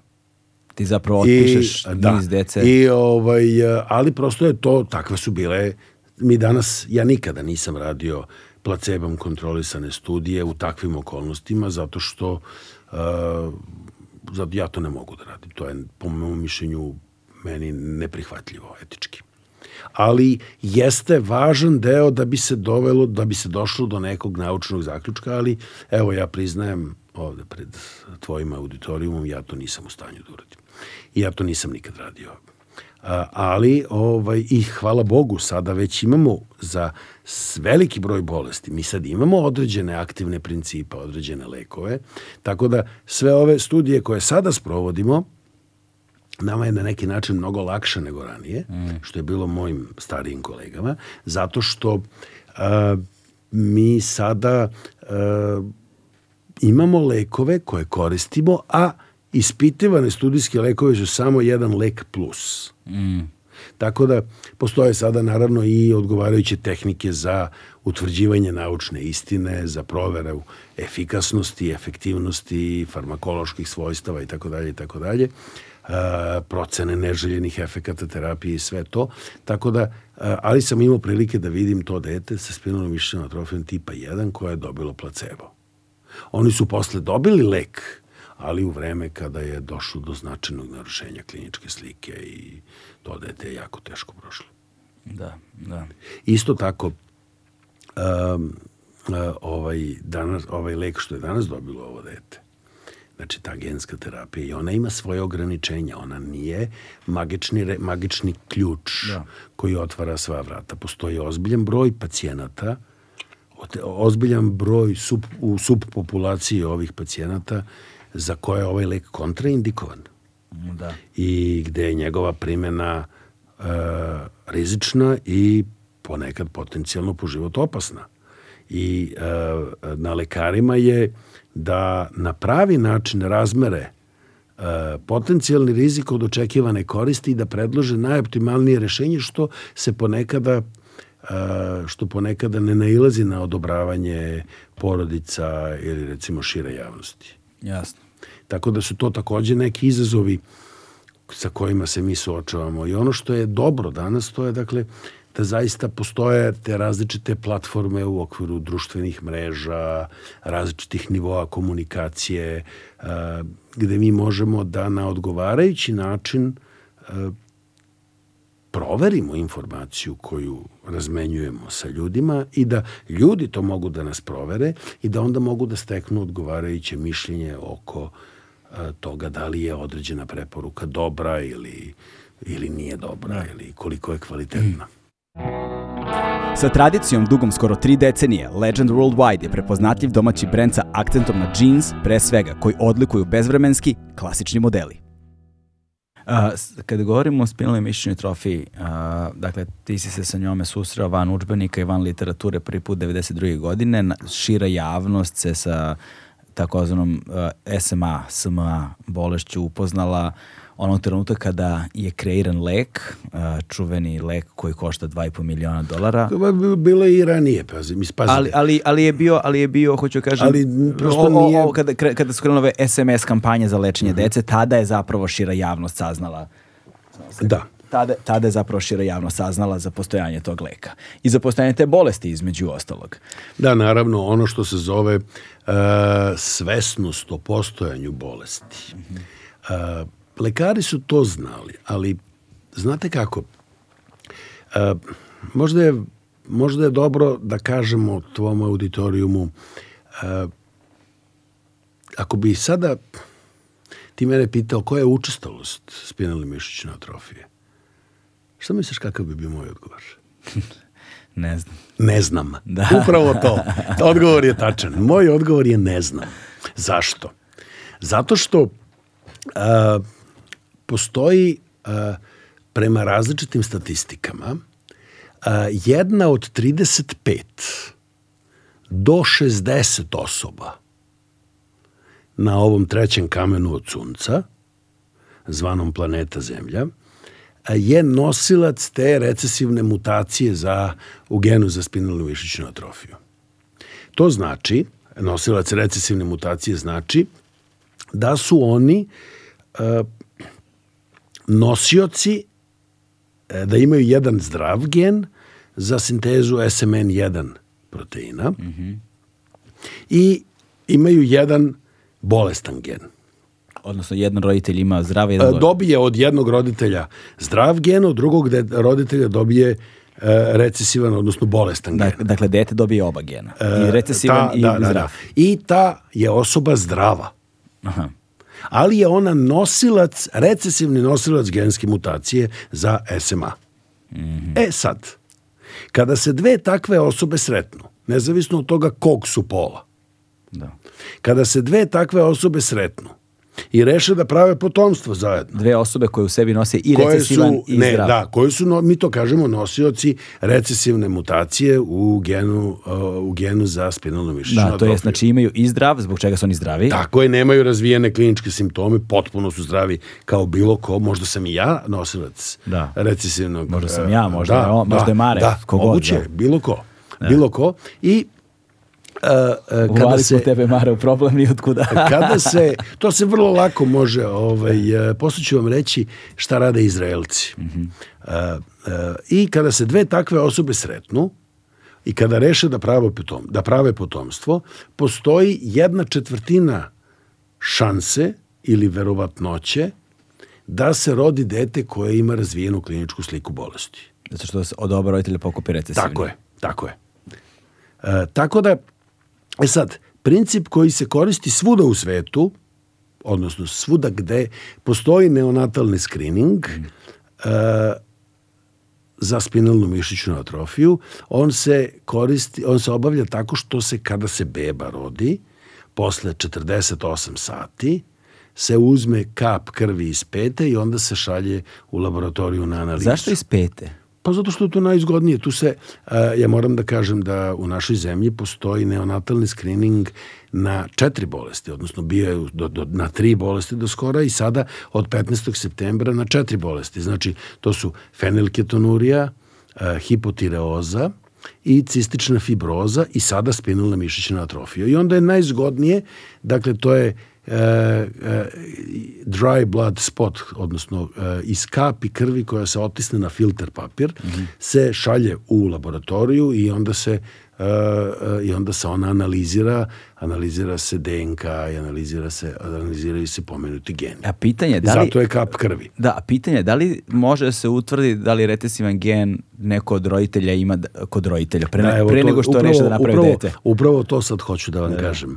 Ovaj, a, I svuda u svetu gde se koristi neonatalni screening, a moram da kažem da je Srbija među prvim zemljama u Evropi, sa ponosom moram to da kažem, koja je imala, gde smo uveli pilot projekat, a onda praktično među prvih deset zemalja u Evropi koje, gde imamo nacionalni projekat za, gde imamo nacionalni program neonatalnog screeninga na SMA. I to je stvarno velika vrednost. Ja se izvinjavam i vama, i tebi, i tvom auditorijumu, ako ovo ponavljam, ali ovo je stvarno velika stvar. Onako nije. A, e sad, zašto je jedna od 35 do 60 osoba? Među, recimo, uh, Arapima i među uh, Japancima je nešto češća, znači veća učestalost nosilaca mutacije, mm -hmm. a među belcima e, među belcima je recimo ide negde oko 50-60.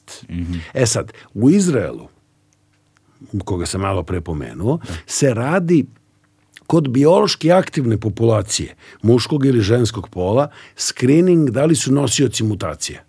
Aha.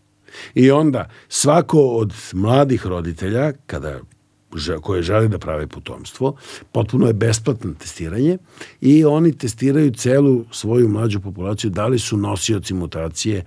Uh, oni imaju preciznije podatke. Pa oni, mo, da, i zahvaljujući, zahvaljujući takvim studijama smo mi onda mogli da steknemo različit uvid u to. Zbog toga uh, je uh, pitanje uh, kolika je učest, na koji se ti dao tačan odgovor, kolika je učestalost javljanja spinalne mišićne atrofije, je ne znam.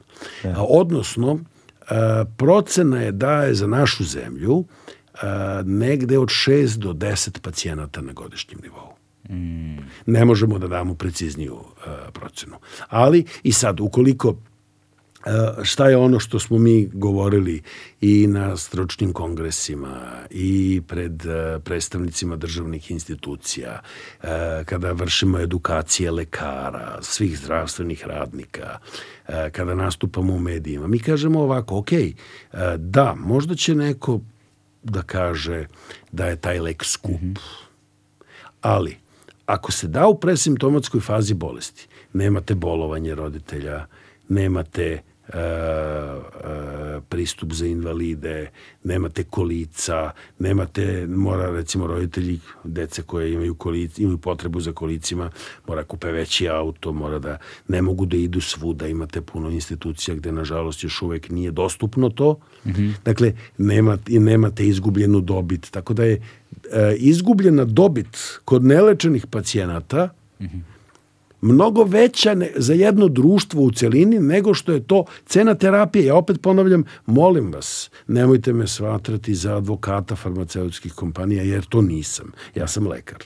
Ali, dakle, da ne govorimo sreća i zadovoljstvo i kvalitet života, jedan koji ima jednu posebnu dimenziju. I prosto evo, izvinite još jednom, ali moram da opet isp, iz, iskolj, iz, ispoljim i da iskažem svoje veliko zadovoljstvo za razumevanje određenih naših zdravstvenih, zdravstvenih institucija koje su dobro prepoznale i razumele ovo da. i koje su eto poslušale da lepo, lepo ste da... vi to kad kažem vi mislim na grupu vas ljudi ovaj, koji ste učestvovali u tome lepo ste vi to marketinški spakovali i prodali ima jeftinije vam ovako pa, prosto su ljudi ljudi su napravili farmakoekonomsku uh, analizu Jeste, i da. prosto to su vrlo jasni vrlo objektivni parametri vrlo objektivni parametri. Mislim, samo neko trebalo mi, da im predoči nismo na taj to način. Mi, nismo to mi izmislili. Da, da, samo je trebalo neko da im predoči to na takav način. Da. Zato što nisu na prvu loptu jasno vidljive jasno vidljivi kauzaliteti. Da, to da. je tačno. Ja moram da kažem da ja sam imao jednu pomoć, odnosno uh, ja sam završio između ostalog i menadžment u zdravstvu. I uh, verovatno da deo tvog auditorijuma može da vidi jasan uticaj fonovaca. Da, da. E, fakultet, profesora sa fakulteta organizacijonih nauka. Koliko da, si se vreti školovao? Da, ovaj, ja sam se dosta školovao. To je, to je bio jedan, da kažem, poseban deo ovaj, moje edukacije, pošto sam već postao i docent i dalje ovaj, već se ostvario kao nastavnik na fakultetu. E, ja sam u stvari shvatio da e, kada sam na tom, e, na tom masteru iz zdravstvenog menadžmenta, ja sam shvatio koliko mi doktori u stvari nemamo pojma.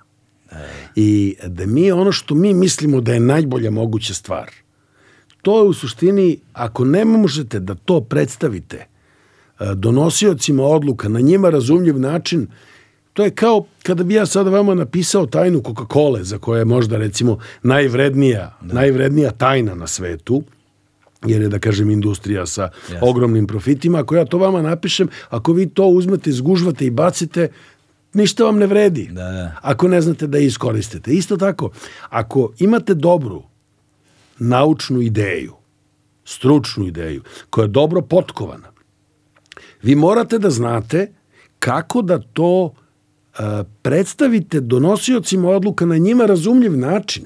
Tako je. Da bi oni ukapirali, kao što se desilo, da bi shvatili zašto je to zašto je to važno i šta će to njima da donese na kraju. Jer je to na kraju dana, to je ono, to je odnos između realnosti i mašte. Dakle, jedna stvar je zamišljenje života u idealnom svetu, da. u kojem ne živimo, da. pa s obzirom da ne živimo u idealnom, hajde vidimo u kakvom to živimo i šta je to što moramo da uradimo da se u ovim, u ovim i ovakvim okolnostima snađemo. I zaista je fascinantno dakle da eto ta odluka da iskoračiš u, u management jel te, u medicini je zapravo doveo do simbiotičkog efekta a, medicinskih nauka i menadžmenta u medicini, što je omogućilo da se kreira a, jedan, jedno osvetljavanje ugla iz određenog problema onima koji su donosioci odluke i da mi sada u ovom trenutku imamo besplatno dostupnu gensku terapiju ko, za koju smo do juče SMS-ovima skupljali pare. I da je ona moguća u našoj zemlji. I da je ona moguća u našoj zemlji i još važnije od toga da zahvaljujući uh, neonatalnom screeningu sada može se da u presimptomatskoj fazi što omogućava uh, ne samo veći stepen uh, izlečenja, ne, ne samo bolj, ve, veću verovatnoću izlečenja, nego i potpunije izlečenje. Upravo to. Potpunije, što je, što je, što je smo, zaista... Evo, evo, ovaj, ja sve vreme hoću da izbegnem reč čudo, jer bi ona unizila e, trud koji je uložen sve ove decenije svih tih ljudi Evo, su se- prošle nedelje, krajem prošle nedelje, odnosno sad baš za vikend, mi smo imali opet, da kažem, jedan, ovaj, jednu akciju, a, pošto smo mi uvezani a, elektronski, komuniciramo i kada se ne viđamo, pošto ima upravo je otkriven još jedan pacijent sa spinalnom mišićnom atrofijom. u Srbiji. Da, u Srbiji, putem neonatalnog skrininga. Znači u presimptomatskoj fazi. Da, u presimptomatskoj fazi i tom detetu je uh, juče ili danas odobrena terapija. Dakle, za svega nekoliko dana, manje od pet dana, ne radnih dana, pet dana ukupno. Ljudi, to, ja sam prvu terapiju za mog pacijenta pre uh, pet godina čekao četiri meseca. Da. Mi smo sad dobili za manje od pet dana. Ljudi, to je fenomenalno. Da. To je zaista, mislim, jer često se provlači a, iz našeg ugla kako to izgleda, nas koji nismo u medicini. Opšte populacije, nazovimo tako. Dakle, dešava se taj, to je nešto što često kao termin pominjemo ovde, a, zamor saosećajnosti.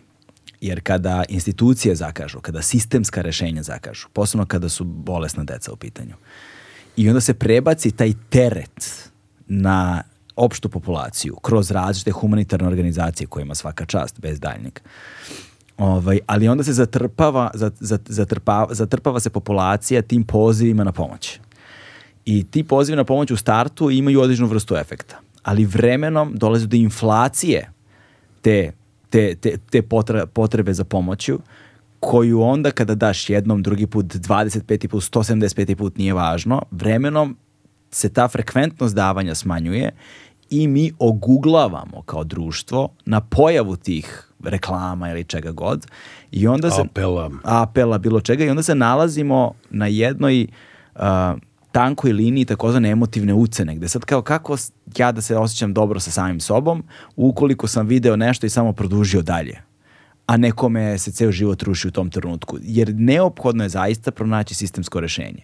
I onda je počelo se govori o tome kako zašto decu lečimo SMS-ovima, kao hajde ljudi da uradimo nešto. A onda kada dođe do ovakvog rešenja, čini mi se da se ne govori dovoljno. Kao na dobro smo se lako navikli i evo ga tu i ajmo sad dalje. Umesto da se zaustavimo malo, što kažu amerikanci, stop and smell the roses. Znaš kao, zaustavi se čoveč u trenutku i ono, pokaži poštovanje prema onome što je zapravo učinjeno. Jer ja sam eto spletom okolnosti učestvovao u jednoj takvih kampanja, pomagali smo prijateljima da sakupe novac koji imaju čerkicu koja upravo ima spinalnu mišićnu atrofiju kojima smo pomagali da prikupe novac i ono što je bio najveći problem u svemu tome nije samo pitanje prikupljanja novca, nego kada si blizu problema, ti zapravo vidiš i kako tebi vreme curi jer ti se boriš sa vremenom i ne boriš se samo sa, i onda idu ta upozorenja gde su bili, ne znam, u Mađarskoj na nekom pregledu i onda kažu imamo još samo mesec dana. Pa onda negde kampanja mora se pojačati, sad moramo za 30 dana da sakupimo ovoliko novca. Ali i sve to, čak i kada se sakupi novac, to opet nije nikakva garancija, jer moraju da se steknu uslovi mora klinička slika, određeno st- stanje deteta, svašta nešto mora se desi. I onda novac više nije nikakva garancija. Da. Upravo to je i situacija uh, gde smo mi sada na neki način uh, i uz jednu podršku za nabavku terapije uh, malo lišeni tog emotivnog naboja gde mi opet kažemo, kada me pitaju roditelji, ka, ova dva pacijenta, na primjer, ovog današnjeg i ovog od pre tri meseca, kaže, da li naše dete može da primi gensku terapiju? Ja sam isto rekao kao malo pre kada smo pričali o incidenciji. Da. E, Spinali više rekao sam, ne znam, moramo da proverimo. Da. da li ste vi kandidati za to? Nažalost, e, postoji neka tendencija i određen broj pojava gde ponekada očekivanja raznih ljudi nisu do kraja, do kraja realna. I ja nekako se trudim da e, trudim da predstavim branim se od toga istinom. Da. I kada, e, kada, kada imate struku i nauku iza sebe, kada imate činjenice, mm. one su vam one, one su vam saveznik koji ruši sve barijere. I prosto ovaj, jedna preporuka dakle svima i roditeljima i lekarima, dakle dajmo se, branimo se činjenicama. Dajmo da struka odlučuje o tome. Da. Vi nas pomozite kao javnost kao influenceri, da. ali molim vas da sve ostane u okviru struke. Da, u političkom svetu zapravo smo upropastili potpuno u blatu valjali samu reč, imenicu struka. Znaš da. to, kada kažemo neka, neka struka donese, mislim samo nemoj struka da donosi mišljenje. da ne bude ono da rešimo problem tako što formiramo komisiju. Ne. Da, da, da, da, to, to. Ovo, evo, a, saznali smo u ovom razgovoru do sada, dakle, o recesivnom genu, dakle, SM, uh, SMN1, je li tako? Mm -hmm. SMN1. Da. Um, I saznali smo o kliničkoj slici, jel te, uh, od uh, spinalne mišićne atrofije i zapravo uh, kako ona izgleda i, i o životnom veku i o načinu na koji se širi kroz populaciju i svašta smo nešto saznali. Ali me sad zanima sa ove druge strane Dakle, ne predstavljamo nijednu farmaceutsku industriju, niti nam je iko dao pare za ovo, niti išta slično. Ovaj, ali u javnosti kad kažeš da lek košta 2,5 miliona dolara, a, a, to zvuči kriminalno mnogo a, i to zvuči kao zarađivanje na tuđi bedi. On, to, u, u, u, u svetlu javnosti to izgleda, to izgleda tako. Ovaj, dok stvarnost je verovatno nešto drugačija.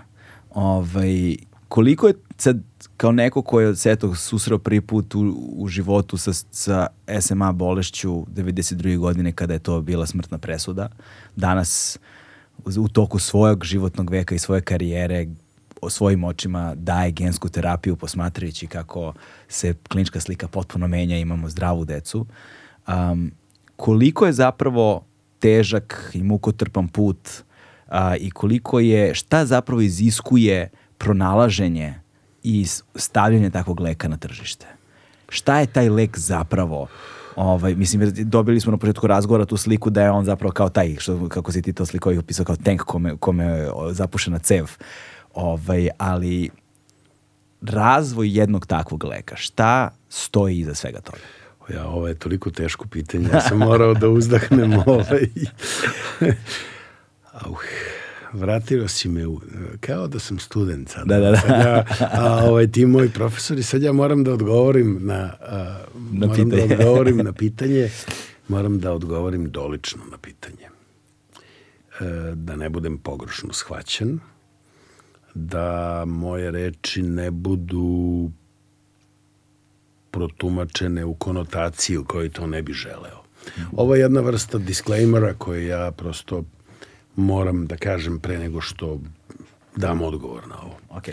Kada se uh, kada se radi o razvoju nekog leka, dakle sad ne govorimo o leku za spinalnu mišićnu atrofiju, govorimo načelno, kada određena farmaceutska firma radi, krene sa ist, u istraživanja određenog agensa da bi on postao lek, odnosno lekovito sredstvo, postoji na osnovu teoretskih pretpostavki i eksperimentalnih modela krene se sa jednu desetak agenasa, slične hemijske formule, koji e, onda prolaze fazu predkliničkih ispitivanja. Mm -hmm. Kada prođu fazu predkliničkih ispitivanja, tu šta, su, šta, šta, šta otprilike podrazumeva To znači da ovaj e, se pro, da se da se ispituju eksperimentalni modeli, da li je to uh, uh, da li je to efikasno i efektivno. Dakle, to su neki striktno laboratorijski uslovi. Da, da. Znači, ono mi kažemo in vivo mm -hmm. istraživanja. Potom se sprovode, poštujući najviše etičke kodekse, uh, ispitivanje na životinjama, mm -hmm. koje imaju sličnu fiziologiju, odnosno patofiziologiju kao ljudi, a to su uglavnom pacovi, mm. uh, hršci i tako dalje, eksperimentalne životinje. Uh, onda se ispituje na njima. To su sve ogromni troškovi. Od toga, od tih desetak agenasa koji, sa kojima se krene, otpadne nekada 8, 9, nekada svih 10 propadnu. Od 10 agenasa znaju oni da kažu propadne 11. Da, da. I onda baci se sve u vodu. Da. E, zatim ide ispitivanje na zdravim dobrovoljcima, pa onda ide ispitivanje na bolesnim dobrovoljcima. Pa onda, da bi se, govorim o regulativi koja važi i u Republici Srbiji, u našoj zemlji, ali i svuda u svetu. Onda se, dakle, ispituje se na bolesnim odraslim osobama. Pa tek onda, ukoliko se dokaže da pomaže odraslim bolesnim osobama, onda se primenjuje lek na deci kao jednoj vulnerabilnoj populaciji. I to je zakonodavstvo koje je svuda u svetu isto. I u, kod nas, i u Evropi, i u Sjedinjenim državama, i u svim, svakoj zemlji na svetu. E, sve to su užasni troškovi, zato što vi imate veliku verovatnoću da vam se ta investicija ne isplati. Ja, I verovatno su vre, veliki vremenski periodi. Užasno, ve, es, užasno vremeni, veliki. Sad mi, zahvaljujući e, tehnologiji, zahvaljujući elektronskim bazama podatka, podataka, mi ne moramo da sve čuvamo na papirima, već dakle sve te informacije uh, odmah dobijamo, odmah prosleđujemo i odmah dobijamo nazad odgovore. Mm. Mi sada imamo, uh, to je recimo zanimljivo, uh, zanimljivo je da recimo kada je bila, uh, kada je bila vakcina protiv covida, uh, oni su veoma brzo, negde u martu uh, 2020. godine, na samom početku pandemije, Oni su već imali gotov genom, imali su gotovo dizajnernu vakcinu, ali ona morala da prođe određen broj, e, nije smela da se koristi, mm -hmm. dok se ne sprovedu odgovarajuće kliničke studije. Da bi se izbegla pristrasnost, e, da bi se izbegla pristrasnost farmaceutskih kompanija, koje uh, učestvuju u dizajnu određenog leka, angažuju se nezavisne kompanije koje se zovu, uh, to su kompanije za sprovođenje kliničkih studija, koje plaćaju farmaceutske kuće, ali ne znaju šta oni rade i ne znaju kako oni rade. Mm -hmm. uh, I onda se poštujući određena metodološka pravila i zakonsku regulativu sprovode mi to, to se zovu multicentrične studije, znači po više različitih centara širom sveta da bi se steklo uvid u reaktivnost određenog leka na populaciji, e, na što široj populaciji. Da se napravi jedan lek za što širu populaciju e, poštujući broj, na primjer, osoba e, belih, crnih, žutih, ovakvih, mm, onakvih, sa različitim genetskim predispozicijama. I to su sve užasno skupa istraživanja koje jako dugo traju. I prosto to sve ulazi u cenu leka. To je prosto cena napretka. Mm. E, tako da to je možda jedan, uh, jedan, ne znam koliko je prihvatljiv, ali u suštini ako posmatrate to kao recimo kad imate, uložete u akcije na berzi. Da. I recimo ako uložete u jednu, jednu akciju tipa, ovaj, ona možete da propadnete.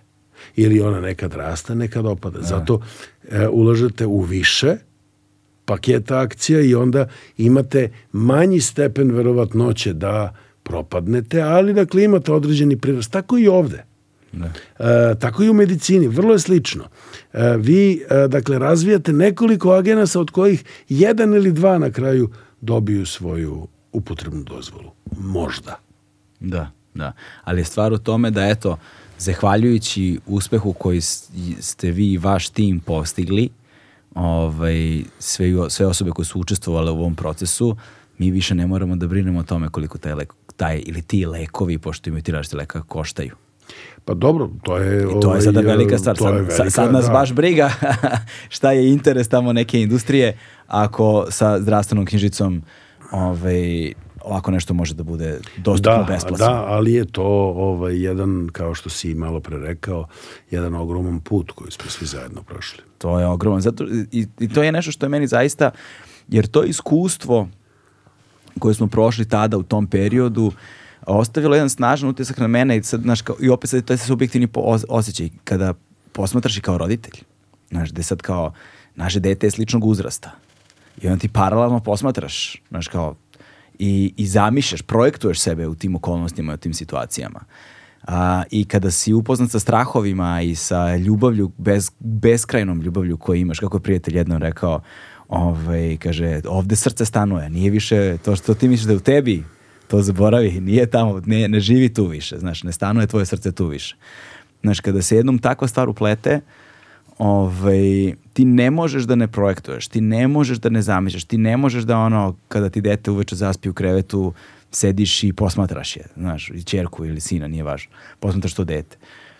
Ovaj, tada tek, iz tog ugla, ne samo da postaneš svestan kao osoba, nego počneš da ceniš vrednost Upravo tako. ono do kog što živimo u 2023. godini kada su takve mogućnosti zapravo stvarnost. Ovaj, ali isto tako, pre nego što je to bilo dostupno besplatno, znaš, ne, zamisli sebi u situaciji da pored sve muke koje živiš, pored sve pakla kroz koji prolaziš, porodično, sad ti moraš da nađeš i 2,5 miliona dolara.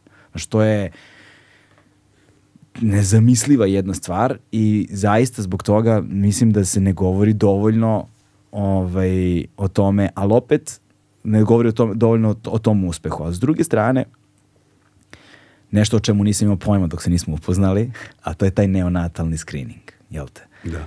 Ovaj, činjenica... Novorođenački screening. Novorođenački, da, screening, koji zapravo skraćuje put i neuporedivo povećava procenat verovatnoće izlečenja ako se sve to desi u presimptomatskoj fazi. Dakle, to da. je nešto, to je nešto čemu nisam uopšte razmišljao, jer, jer za mene je ono paušalno znanje koje imam bilo kao, ok, dete do druge godine starosti kad god dobije lek, to je to. Sad ti to doživljaš banalno i jednostavno, a ono zapravo je malo komplikovanije od toga. Da, dosta komplikovanije. e sad, ono zbog čega me zanima ta komplikovanost, želim sad da malo razumemo bolje tu komplikovanost. Um, sam si pomenuo da uh, posledice mogu da budu fatalne i da administracija leka kao eto sad dobio je infuziju i rešen problem. To zapravo nije samo nikako. Dobio to infuziju. nije upravo to. E, potrebno je e, sprovesti e, odgovarajući strukturisan program fizikalnog tretmana. Ajde, reci nam više o programu samom i šta je to šta sve može da se desi? To su, e, to rade fizijatri i fizioterapeuti određenih vežbi za jačanje mišića, pogotovo tamo gde postoje, recimo kod pacijenata kojima nije postavljena dijagnoza odmah. Mi Uh, ja Čekaj, moram... izvini, govorimo sada u fazi posle da administracija leka ili pre? Evo, pa, evo ovako, i, i, i, ajde da spojimo zajedno. Ajde. Uh, zato što recimo, evo, ova naša dva pacijenta koja su dobila lek u Srbiji, mm -hmm. ili recimo ovih naših šest, sedam koji su dobili lek uh, u inostranstvu, oni su pre toga dobijali neke druge lekove u Srbiji. Kod svih onih kod svih tih pacijenata, ako izuzmemo ove, ove naše ambasadore neonatalnog skrininga i ovo poslednje dete, mm -hmm. od prošle nedelje, svi ovi pacijenti imaju razvijenu kliničku sliku, imaju određen stepen gde, u, gde su im propali nervi i mišići. I oni imaju individualizovani program fizikalne terapije gde se iz njihovog postojeće mogućnosti za sprovođenje određenih pokreta mm -hmm. izlači maksimum. Kod ovih pacijenata koji se recimo, postoje pacijenti sa nešto blažim tipom bolesti, to nisam pominjao prosto računajući da ovaj, ali ajde sada i to da kažem, ovaj, postoji taj SMN1 gen i postoji rezervni gen SMN2 koji daje svega 10% funkcionalnih SMN proteina. I ukoliko ima veći broj kopija tog SMN2 gena, onda je blaža klinička slika. Uh, e sad, uh, Šta znači blaža klinička Blaža slika? klinička slika to znači da ne propadaju tako rapidno brzo. Ok, znači brzina propadanja samo. Tako je. U, e, I da je podmukla klinička slika kod onih koji nisu diagnostikovani u skriningu. Ali od 15. septembra to je sada prošlost. Ok. Uh, ali, znači, uh, svi ovi, uključujući ove naše ambasadore neonatalnog skrininga, kao i ove pacijente koji su dozirani ovaj danas i ovaj pre tri meseca, znači oni moraju da prođu makar ovi u kraćem periodu, ovi koji su iz neonatalnog skrininga, prolaze jedan kraći period praćenja da vidimo kako se usvajaju ti miljokazi razvoja. Jer definitivno pokazala su istraživanja da e, postoji određen stepen propadanja nerava i mišića, ali je on veoma blag. E sad, ono što je, uh, zašto, šta, šta devojci sreću kvari, uh, to je uh, da ne postoje, mi to zovemo, ne postoje klasični biomarkeri težine bolesti. Okay. Da mi recimo, kao kada uzmemo krvnu sliku, pa vidimo, aha, imate povišene leukocite, ili imate snižene leukocite, pa onda kažemo, aha, ovde ima infekcije, ili ima, ne znam, nija krvarenja, ili već čega god, ako govorimo o crvenim krvnim zrncima, ako govorimo o trombocitima i tako. Mi ovde nemamo posebno senzitivne biomarkere za procenu težine bolesti.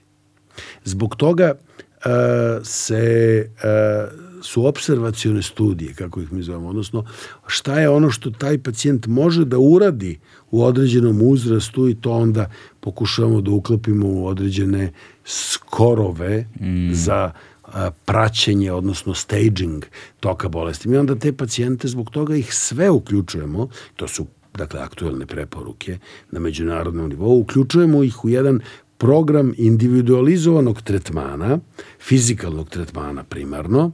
Dakle, vi gleda se u stvari koje su njihove fizičke sposobnosti, šta mogu, da, šta ne mogu da urade. Njihove, tako je. I u odnosu I tamo na to gde su oni, tabela neka. Gde su oni loši, tu onda stimulišemo, recimo, pokrete određenih delova koje možda nisu onako kao što bi bili kod nekog zdravog. Jasne. Da bi onda on, um, postoji nešto što se zove catch-up growth, odnosno uh, uh, uh, da dete može u tokom razvoja i pošto se e, razvoj centralnog nervnog sistema ne završava rođenjem, yes. nego jer dete ne zna na kraju krajeva da vozi auto kad se rodi. ne može da sedi, ne može da hoda, nego te funkcije stiče vremenom. I naravno, izvođenje finih motornih pokreta je nešto što očekujemo u određenom vremenskom periodu. Ako do njih ne dođe, a dakle imamo razlog, mi onda idemo stimulacijom onih veština koje pacijent slabije obavlja, ga de facto učimo da on ima, kao kada, to bi možda mogao da, da, da uporedim sa recimo vezivanjem pertli. Mm -hmm. Vi smo svi naučili da sad možemo da vežemo pertle iz zatvorenih očiju. Da. Ali kako smo se rodili sa tim? Ne. Da. Mi smo to učili. To ne znači da, pošto to nismo znali, da smo loši u tome. Jednostavno to nismo znali. Ali vremenom smo to naučili. Tako i ovi pacijenti, metaforički govoreći, učimo ih da vezuju pertle. Odnosno, e, da određene motorne miljokaze, određene motorne obrazce razvoja koji oni zbog prirode bolesti možda ne mogu da usvoje, mi ih Stimulišete. stimulišemo da idu ka tome. Da, i da fokusiranjem na te stvari se možda ubrzano napreduje, Ubrzano napreduje. napreduje i da je. onda sustignu vremenom svoj, Tako svoj je. uzrast. A terapija koju dobijaju, Mhm. Znači bez obzira na to da li se radi o intratekalnoj, odnosno putem lumbalne punkcije, formulaciji leka, oralnoj formulaciji u formi oralnog sirupa ili intravenskoj u formi ove jednokratne genske terapije, ona e, e, omogućava da e, taj nedostajući protein se sintetiše, SNM1. SMN, da, ovaj, da, bi, ovaj, da bi pacijent imao preduslove da te motorne funkcije može da ostvaruje. Jasno. E sada, a koji su to preduslovi koji moraju da se, koji su to uslovi koji moraju da se ispune da bi uopšte pacijent mogao da primi terapiju? Šta je to što mora misliš, se Ako misliš na gensku terapiju. na gensku terapiju, da. Šta je to što mora, što mora da se desi? To jer, je- jer kažeš, evo, danas je dečak dobio infuziju koja traje 60 minuta. Jeste, a pre toga smo prošli devet, devet Danteovih krugova pakla. E, tih devet krugova me zanima. Auh. Dakle, Jer nisu svi ni kandidati, Tako nažalost. Dakle, Šta je to što utiče? ko- e, prvo moraju ajde da, da ispunjavaju određene laboratorijske, moraju da nemaju antitela na adenovirus, na ovaj podtip adenopridruženog virusa tipa 9. Znači, to je apsolutni uslov. Jer ukoliko, e, i zato je recimo e, lek pogodniji kod što mlađe dece, kod novorođenčadi. E, to je prva stvar. Jer nisu se razboljevali, nisu stekli Nisu imunitet. se, tako je. Jer ukoliko imaju antitela na taj virus, mi ako ga ubrzgamo putem infekcije, putem infuzije, Samo će ga... organizam će da ga izbaci. I Kao, i, I kraj, nema gdje da se veže. A, a, sače, a, a, taj, a ta antitela na adenovirus mogu da se steknu kroz razno razne bolesti. Tako je, ba, uglavnom virusne infekcije, ukoliko zakači taj adenovirus tipa 9. A šta recimo sve može da kreira antitela na adenovirus tipa 9? Pa infekcija tim virusom ili sličnim sojem virusa, gde onda dolazi do aktivacije antitela i na taj virus, čak i ako pacijent nije imao Ali koje su to recimo bolesti, na primjer? Grip. Grip. Dakle, da, ako je dete imalo grip, skre... infekcije, recimo da. I ukoliko je on e, ukoliko je on doveo do aktivacije imunskog odgovora da se aktiviraju antitela na adenovirus tipa 9, onda ovaj, e, taj lek je besmislen. Mm. To je recimo jedna od stvari. Zatim Zato je važnije što mlađe. za, i to i zato je važna izolacija o kojoj smo govorili. Da. Izolacija nema poseta, stroga, najstroža izolacija, bukvalno Ako možeš u vakumu da čuvaš dete, da... Najstroža izolacija. Znači ja sam, ti si čuo da sam ja rekao onim roditeljima, starije dete ispišite sad iz vrtića. Da, da, da. Nema. Nemojte davati. Nemojte ga stavljati tamo jer on će da donese to u kuću. Tako je. Nema gostiju da dolaze. Nema apsolutno ništa. s porodicom, sa znači, svima, s apsolutno, prijateljima. potpuno, ne, smanjite, prekinite ih. Prekinite skroz odnose, da. Ako želite, ako želite da ovo sve što radimo ne bude uzalud ili ako želite da ne naškodimo nehotično. Mi smo imali, recimo, na, na nekim od ovih naših kongresa, neki roditelji čak nisu priznali da su deca bile u infekciji. I dobile su terapiju i umrla su posle toga. Ujebote. Da. Dakle, e, zato je važan rad sa tim pored. Zato je, e, ti si čuo samo deo, e, zato je, na neki način se stvara jedna lična relacija sa roditeljima. Na relaciji lekar roditelji, lekar porodica. I važno je, važan je odnos međusobnog poverenja. Da oni veruju nama, ali s druge strane, e, izvinjavam se, ali bit ću ličan, možda i više da mi verujemo njima. Da li su u stanju da sprovedu sve ono što mi kažemo da je neophodno, a što se bazira na stručnim preporukama. Jasno, jasno. Mi smo naravno, ta, o, zatim, e, pored antitela na taj adenovirus, potrebno je da pacijenti imaju potpuno zdravo srce.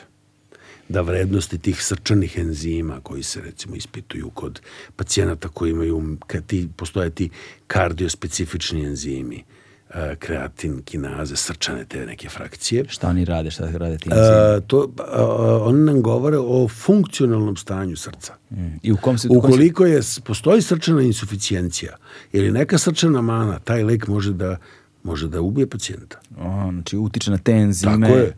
Može da dođe do stvaranja neke trombotičke mikroangiopatije. Znači nakupljenje trombocita po lumenu krvnih sudova, pogotovo malih krvnih sudova, da napravi lokalne tromboze, infarkte. Pa kao. Znači, uh, u bilo kom delu tela. Zatim, može da dođe do pojave toksičnog hepatitisa. Postoje tu grozne neke stvari od ko, koje, koje mogu pre, prerasti u fulminantnu formu. Mi smo imali, to su nam pričali stalno ovaj, na nekim kongresima, imali smo nekoliko porodica koji su posle terapije, čije su deca posle terapije umrla. Oni nisu priznali roditeljima, kaže, mi smo juče završili sa antibiotikom, vidimo sutra da primimo lek. I ja to navodim u razgovoru sa, sa roditeljima. Rekao, molim vas, kažete mi ako vam je dete bolesno. Odložit ćemo primjenu leka. Jer, ponavljam, primarna stvar je primum non nocere. Primarno ne naškoditi. Mm. Da vidimo ako možemo da pomognemo, ali da ne naškodimo. Mm. I uh, to je prosto uh, jedan skup postupaka koji je veoma neophodan. Zato sam ja juče bio na vezi, jer sam mozgao šta je to što ja treba da uradim i da li donosim ispravnu odluku i da pokušam da, da pokušam da od što više ljudi čujem e, što više prenetih iskustava e, prenetih iskustava na tu temu. Da. Koliko ljudi učestvuje u tom procesu? Uh, u pripreme jednog pacijenta, to je deteta za primanje leka? Pa dosta ljudi.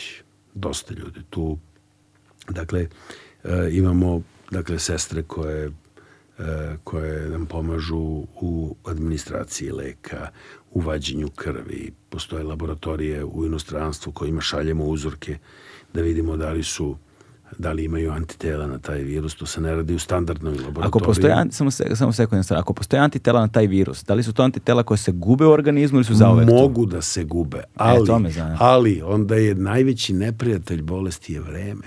Da. Mi gubimo i vreme.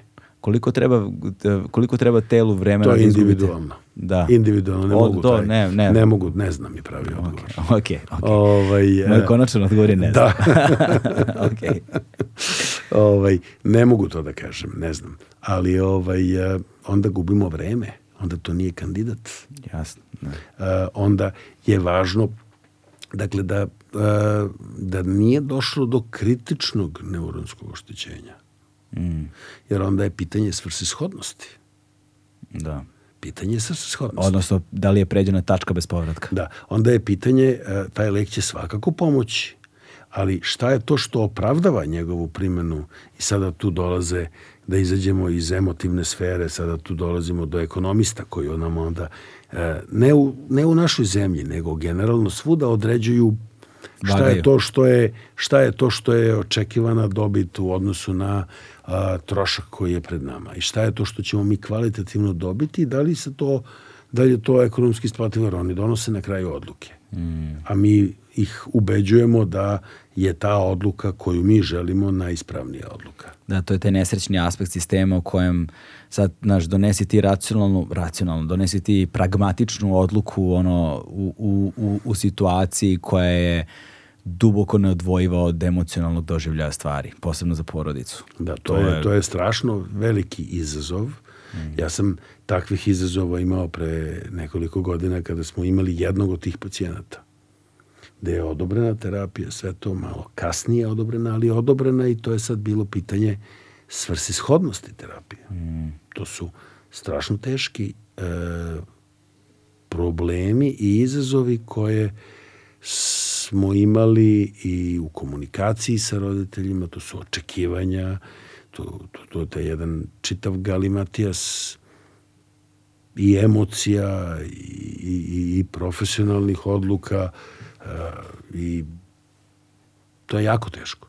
To je jako teško. To je, to je jedan od najvećih izazova. Onda, kada je, kao i u recimo nekim drugim oblastima, kada prekinuti lečenje?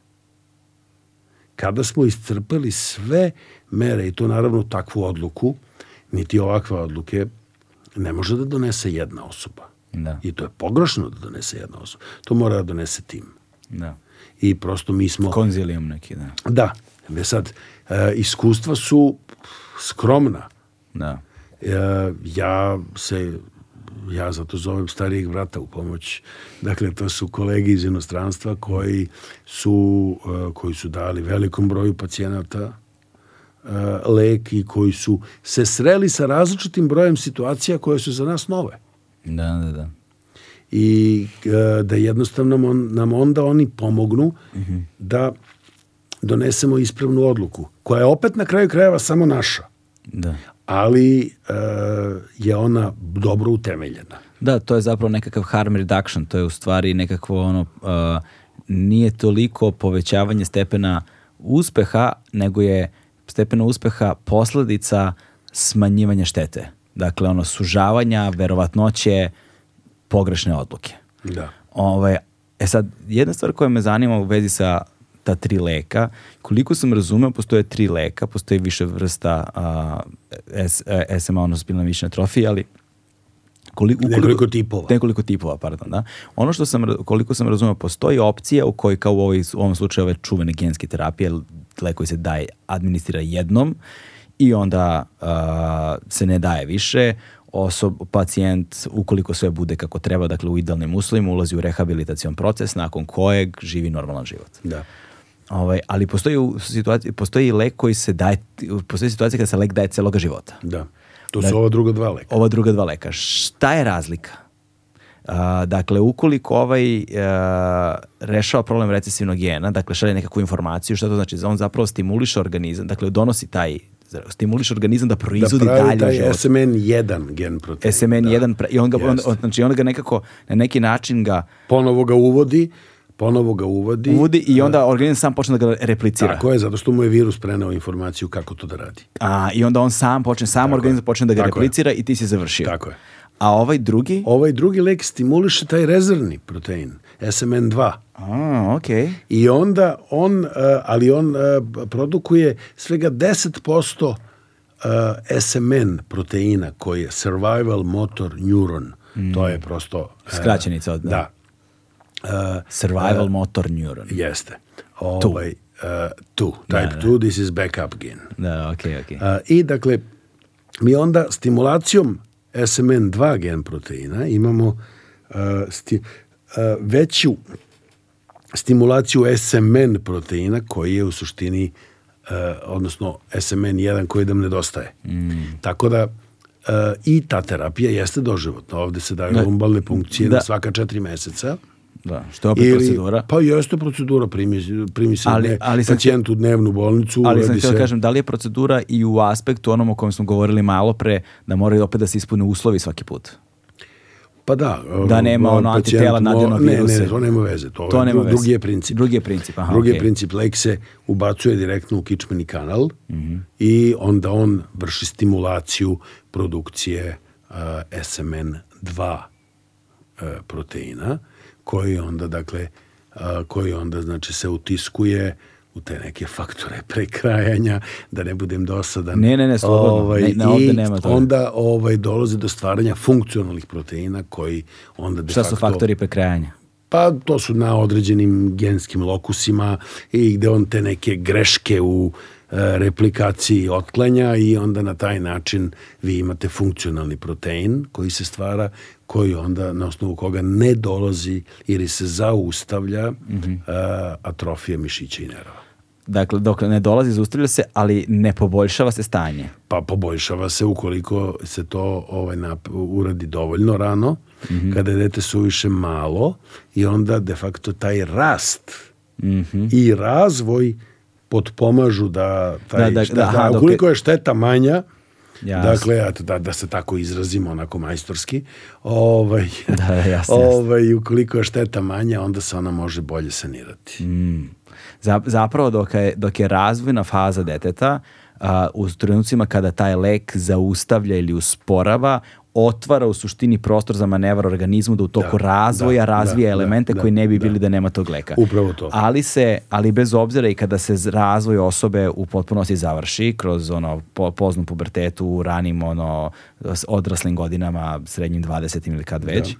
ovaj, i dalje mora da nastavi da se daje lek. A, mi to ne znamo, za sada da. Aha, nemamo Prema, još toliko veliki uzorak. Nemamo, zato što prvi pacijent je dobio uh, intratekalnu formulaciju negde 2013. 2014.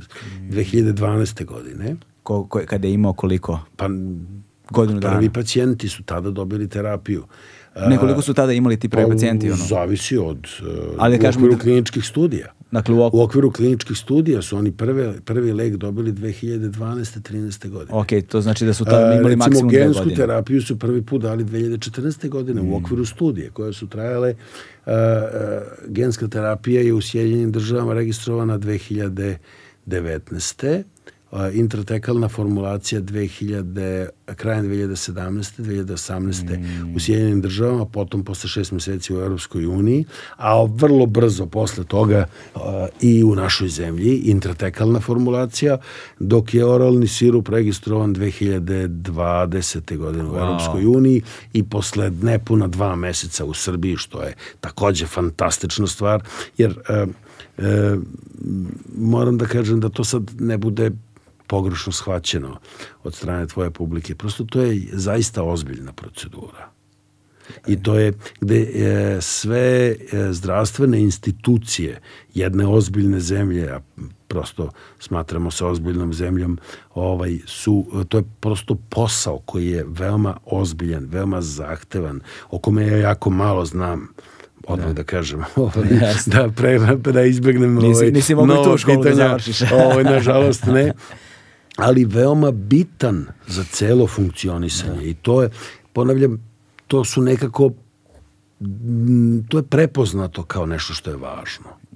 I prosto to ja stvarno bojim se da ne budem, ali verujem da siguran sam da neću biti pogrešno shvaćen, ali prosto to treba istaći kao jednu pozitivnu tekovinu. Ovaj, što znači da, ajde da uzmemo okvir ovih, ovih dve godine života, a, u najboljem slučaju da kažemo da ima dve godine i da kažemo 2013. da je sad 2023. godina, znači 10 go, pre 10 godina data prva, što znači da najstariji pacijenti koji su primili te prve terapije, recimo tom lumbalnom punkcijom, jel te, da, u kičmu, Da dobijaju i dalje to. dobijaju i dalje to, ali to hoću da kažem da oni sada najstariji su negde ono pre-teen, znači ono pred pubertet, neki 3, 12, 13 godina sada imaju. Recimo, da. Recimo da imaju 12, 13 godina i mi zapravo nemamo uzorak dovoljno veliki i dovoljno star da možemo da znamo šta je, I mi ne znamo do kada treba da dajemo tu terapiju. ne znamo, da. Ni mi u Da li zna- Srbiji, da- ni, bojim se, ni u ovim mnogo, Nigde. mnogo Wow, ovaj, znači- većim zemljama koje su,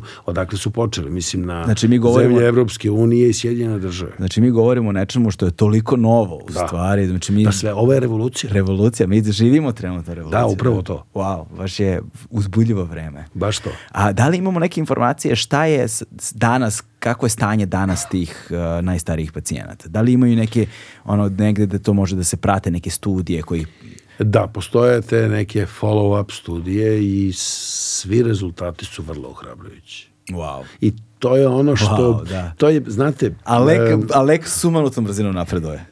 Mislim, od, od ove lumbalne punkcije do, do ono oralnog sirupa, do infuzije, mislim, prošlo je jako Pa, Da, malo vremena. Pa, da, u osnovi je to e, malo vremena, mada znate, ako ga nemate, onda vam je i pola sata mnogo. Sve je jasno, sve je jasno, da. da. Onda je i pola sata mnogo. Znači, samo je bitno koji time frame analiziramo. Da. I u skladu sa tim, znate, vi za pet minuta ovaj, možete da kažete puno, ali evo mi smo ovde već dosta dugo i e, prosto bojim se e, mada kažem ovo je za mene jedno novo iskustvo, ovaj, ali e, koliko ćemo e, e, reći, a da ne budemo isključeni pre kraja. Jasno, jasno, jasno. I E, da a ovaj, pre, e, ponudimo odgovarajuće e, informacije koje će biti dovoljno razumljive, a za neke stvari je potrebno vreme. Mm. Kao što je i u nauci potrebno vreme, tako je, e, verujem da m, smo mogli da pružimo neke dodatne informacije koje nam mogu pomoći da ove stvari razumemo. Ali ono što bih hteo da kažem, e, znate, ništa nije konačno. Mi ćemo na neka od ovih tvojih pitanja gde sam ja odgovorio vrlo iskreno sa ne znam, moći da damo pravi odgovor za, nadam se, jednom kratkom vremenskom periodu, od svega dve ili tri godine. I moći ću da ti odgovorim, ako se budemo ponovo videli za jedno dve, tri godine ovim povodom, moći ću da dam preciznije informacije wow. na ta pitanja. Fascinantan, fascina, fascinantna stvar, fascinantna stvar. Koliko je snažan taj, da li imaš dve, sad ovako intimno potpuno, ne, nevezano za medicinu i za nauku, ali sa jednog ljudskog aspekta, pošto prosto to je tvoj život, ti si u tome. Ti, znaš, ja ću sutra, ne znam, raditi šta, ali ti ćeš sutra ujutru opet ustati i otići na kliniku. I onda ćeš pre, uraditi to preko sutra i nako sutra i svakoga dana ko zna koliko još. Ove, ovaj, I to radiš celoga svog života. Um, sretao si se kao što je bilo sa Markom, malim. To su događaji koji su kao nekakve životne raskrsnice koje transformišu te, promenete, ovaj, ostave nekakav trag u tebi. Ali s druge strane, evo toliko koliko godina prošlo, to je bilo 90 95. 95. 95. godina, danas je 2023. To je 28 godina. Tako, 23 da. 5, 28 godina kasnije. 28 godina kasnije mi sad sedimo i vodimo ovaj razgovor. Ovaj, kakav je kakav je, da li postoji taj wow efekat u kojem se ti vraćaš nazad u taj trenutak, posmatrajući ovaj sada i odnos kada sretneš roditelje, hajde dete, dete jadno pati nesvesno zapravo sveta i života u kojem se nalazi. Ali ti roditelji, te porodice, kada dete zapravo dobije terapiju i kada vide taj boljitak, znaš, koliko ti ostaješ zapravo u kontaktu sa porodicama nakon toga? Pa evo, ako uzmemo, ako pominjemo ove naše pacijente koji su, svi koji su na različitim videovima terapije, mm. uh, oni nama dolaze vrlo često pogotovo ovi koji i dalje dobijaju terapiju, Jasno, da. koji nisu bili na genskoj terapiji. Uh, mi smo u stalnom kontaktu sa njima, pazite, mi uh, gledamo kako ta deca rastu. Mm. Mi gledamo uh, kako oni funkcionišu, znate, uh, vi sad imate i na nekoliko nekoliko pacijenata imate koji su vrlo aktivni na društvenim mrežama, pa se može pratiti njihov efekt. Da. To su fantastične stvari. To su fantastične stvari i to je, znate, to je ona vrsta da kažem, povratnih informacija koja je nama strašno bitna. Mi naravno imamo na dečijoj klinici, mi smo napravili, ja sam priznaću, samo manji deo rekao. Da mi smo napravili nešto što na preporuku e, ljudi iz inostranstva, iz referentnih centara. Mi smo napravili nešto što je, se zove multidisciplinarni tim lekara koji se bavi lečenjem spinalne mišićne atrofije. I to postoji na dečjoj klinici. To se ranije zvalo konzilijarni pregled. Mm -hmm. Ali ovde smo dali jednu formalnu notu gde kada pričamo o tome šta je sve rađeno, najzvučnije kad se kaže neonatalni screening. Da, da, da. I to onako stvarno wow. Ali, znate, to kad vi vidite lepu kuću, ali imate dobre temelje, pa onda imate zidove kvalitetne, pa imate dobru izolaciju, pa imate drenažu vode, pa, e, otprilike, šta smo mi sad tu radili? Evo da ima nekoliko, sad si me isprovocirao, evo, sa tim Ovaj, zato mi se ovaj format mnogo sviđa. Moram da priznam, ponovit ću to. E, mi smo recimo napravili multidisciplinarni tim. To znači, recimo, evo imamo, na primjer, naša koleginica koja je pulmolog, ona ima ambulantu ponedeljkom. E, fizijatar i gastroenterolog imaju utorkom. Sredom ima ortoped, ja imam četvrtkom ambulantu. Znači, pacijent kad dođe, e, on ne može nikada nas da vidi u istom danu zajedno. zajedno.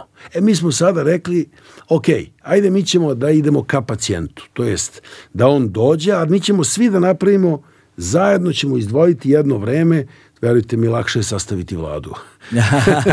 Posle izbora nego skupiti 5, 6, 7 doktora uh, u jednom trenutku, uh, u jednom danu, u jednom satu, mm. u dva sata tokom ovaj radnog vremena i da se svi zajedno da svi zajedno dumaju i međusobno se svađaju i uh, u stručnom smislu mislim tražeći najoptimalniju opciju za lečenje svakog pojedinačnog pacijenta. I to je fantastična jedna vrednost multidisciplinarnog tima koji postoji na Univerzitetskoj dečjoj klinici koja, evo, moram to da kažem sa ponosom, uh, iduće godine slavi 100 godina od osnivanja. Dakle, jedna od najstarijih zdravstvenih institucija, a dakle definitivno najstarija zdravstvena ustanova za lečenje dece, koja će iduće godine dakle, ući u drugi vek svog postojanja. Dakle, Elem, uh, pored toga, pored multidisciplinarnog tima, mi smo uh, uz pomoć uh, sponzora uh, preveli standarde nege ovih pacijenata na srpski. I okačili smo to, to postoji i na sajtu, uh, uh, nisam to ja radio, postoji na sajtu udruženja SMA Srbija. Mm -hmm. uh, zatim se putem društvenih mreža te informacije bukvalno kao pa ajde da kažem da ne budem pogrešno svaćen, kao požar šire i svi oni koji su zainteresovani uh, mogu da ovaj, mogu do njih veoma lako da dođu. Da, da. I to je strašno važna stvar, ali ima još nešto što smo uradili. Sada evo otkrivamo onako potpuno demistifikacija. Uh, mi smo shvatili da govorimo o periodu pre neonatalnog skrininga. E, mi smo shvatili da mi moramo da idemo u informacijama u dok, kod doktora u, po domovima zdravlja, da mi idemo ka njima i da im pričamo o tome. Ono kao u onoj reklami što kaže mislite o tome. Da. E, mi smo napravili e, te standarde nege i aspekte diagnostike i terapije za svakog pojedinačnu subspecijalnost gastroenterologa, pulmologa, ortopeda, neuropedijatra, kardiologa, uh, kardiologa uh, mi smo Nefrologa? Test, ne, nisu nefrolozi tu, ali znači fizijatar, ortoped, gastroenterolog, pulmolog. Recimo, imate jedno trivialno pitanje koje je svakodnevno važno Da li, doktore, ja smem da vakcinišem moje dete koje ima SMA? Da, naravno. Da li da ga vakcinišemo protiv e, onog respiratornog sincicijalnog virusa? Obavezno. Time smo potpuno razbili raniju paradigmu. Ja, ovo dete ima smrtonosnu bolest, ne sme ništa da dobije, što može samo da mu pogorša stanje.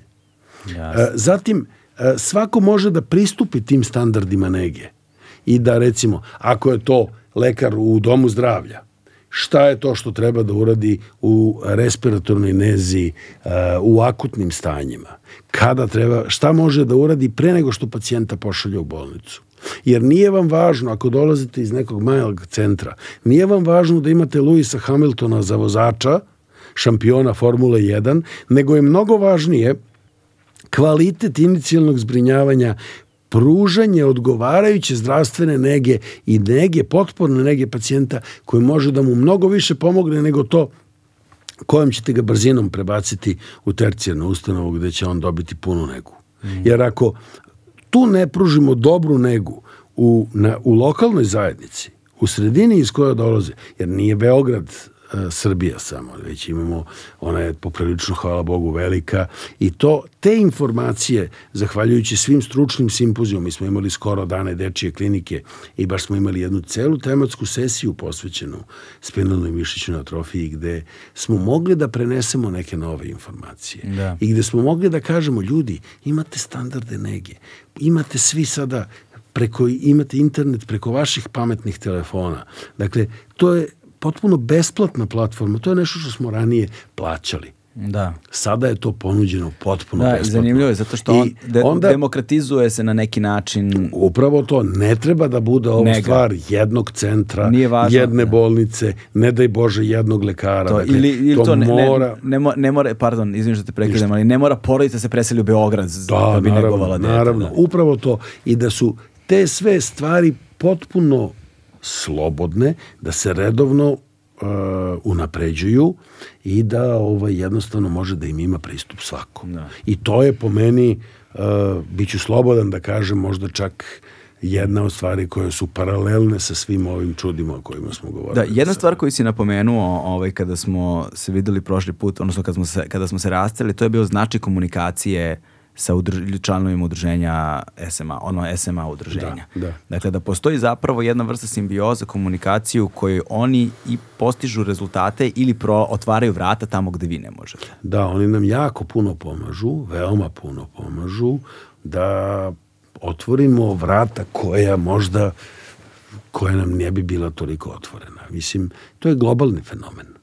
I to je prosto nešto što su se ljudi organizovali, e, roditelji obolelih pacijenata, obolele dece, ali sada i odraslih osoba.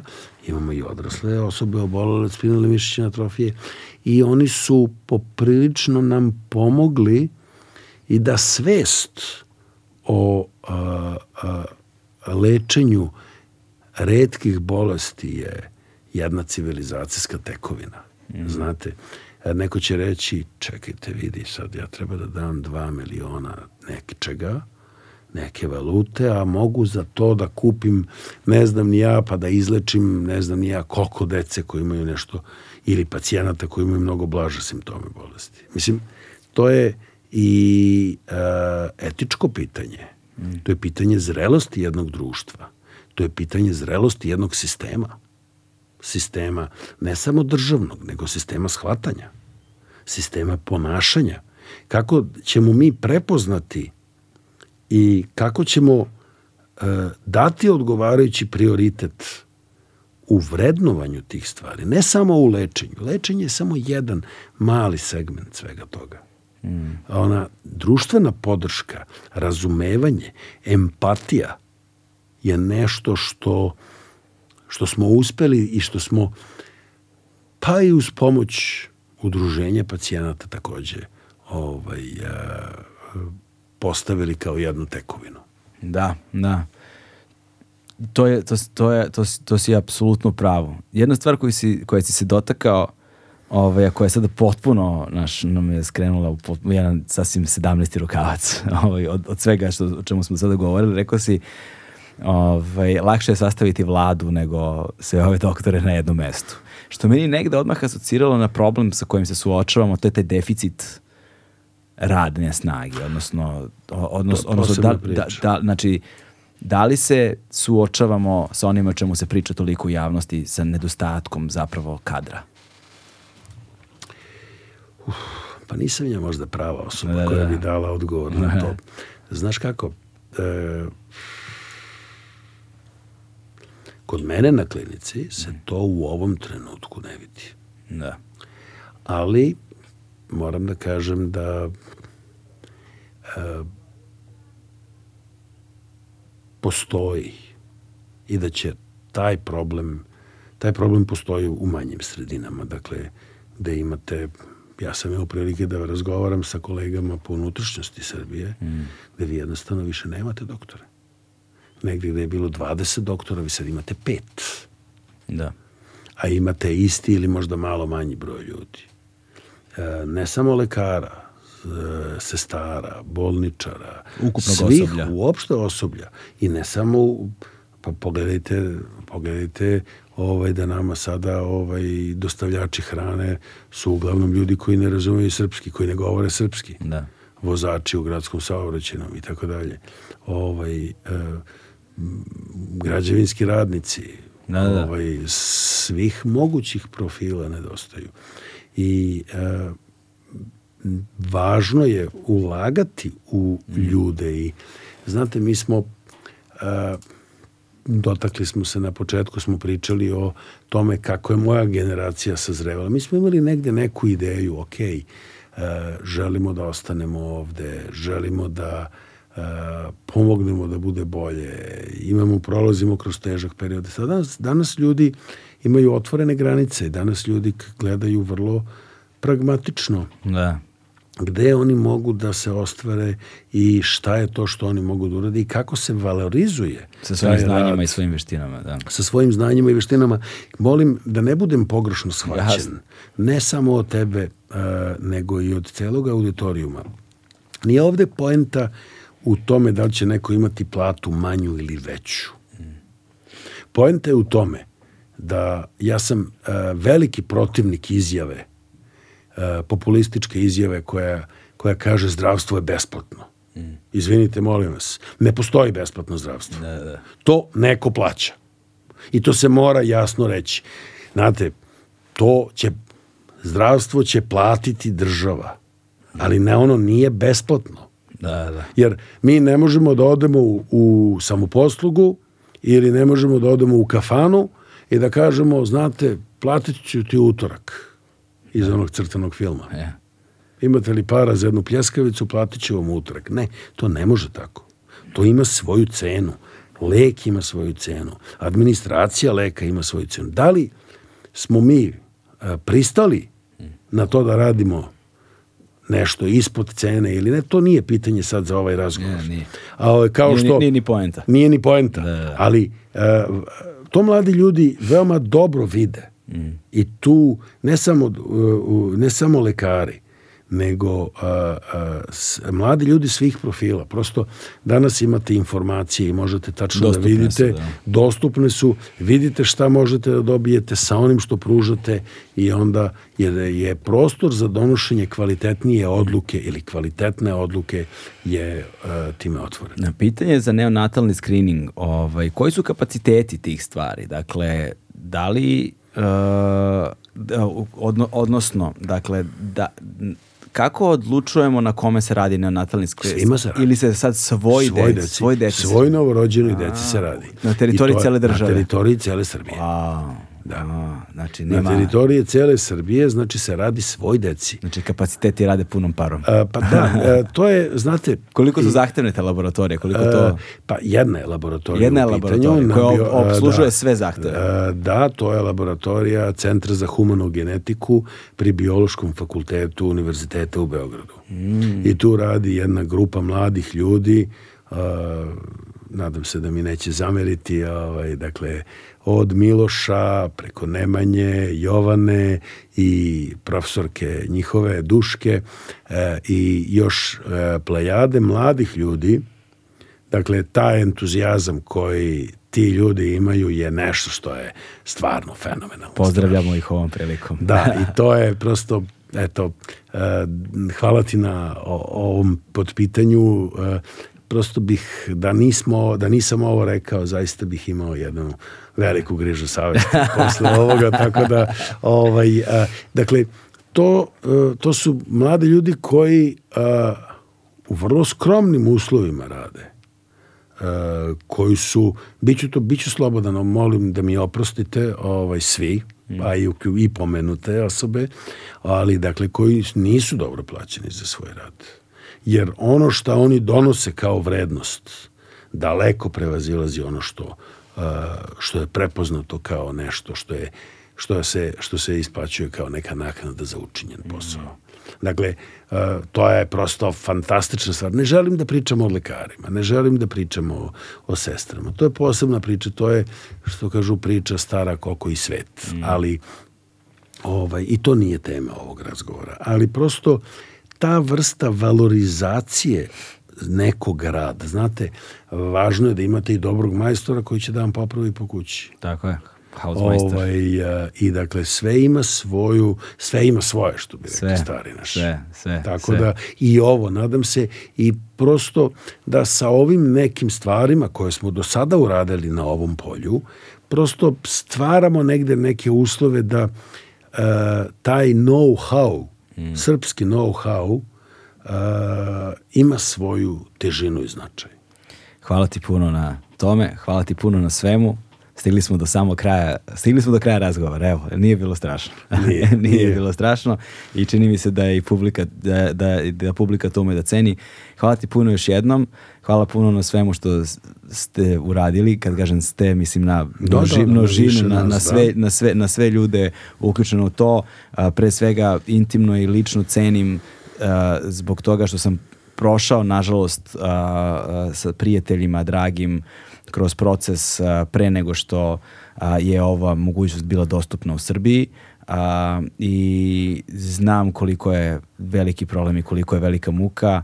A, znamo koliko je javnost bila opterećena, koliko se o tome govorilo, ali evo, ovaj, e, stvari su sada bolje nego što smo mogli da sanjamo do skoro, a kamoli pre 28 godina kada se da. prvi put usreo sa ovim slučajem. I evo kako zanimljivo tvoj život i tvoj razvojni put i sve ono što si doživeo dovelo do ove tačke danas, a ko zna gde će dodvedeti za nekoliko godina, sutra ili ko zna kad. Tako da, hvala ti. Hvala, hvala i tebi na mogućnosti da uh, u ovakvom jednom formatu uh, ispričam jedan kraći deo, da kažem, ovaj, uh, onoga kroz šta prolazimo i uh, to je jako težak put. Jako težak put, ali to nije put kojim se ređe ide. To jeste uprkos mm. svemu. Eto, ako bi ovo trebalo da bude jedna poruka za mlade generacije, dakle, to, verujte mi, ima smisla. Mm. I a, treba biti a, dosledan u poslu koju obavljate i ako ga obavljate savesno, odgovorno, e, etično, e, vi ćete imati uspeha čime god da se bavite. I e, možda je ovo jedan od primera gde se zaista isplati kada sav onaj rad, sve one neprospavane noći, kada uzmete i kada recimo kada se setimo određenih klasifikacija koje smo morali da učimo iz različitih predmeta, anatomije, fiziologije, histologije, patologije, svih mogućih e, predkliničkih i kliničkih predmeta, negde to sve na kraju kad se posluži daje neki efekat i svako od nas na neki način je rukovodilac tog svog dela života i evo koristim ovu priliku ne. da kažem da ljudi, to se stvarno isplati. Ne. Budite dobri, budite uspešni, budite postojani u svojim namerama, kontrolišite i kontrolišite se, proveravajte svoje stavove i jer samo ako proveravate svoje stavove možete biti sigurni da su oni ispravni. Tako je. Ne može ceo život da stane u jednom, jedan razgovor, ali mi se Nikako. trudimo koliko možemo. Hvala ti puno još jednom. Hvala i tebi. To je to, stigli smo do kraja. Ćao.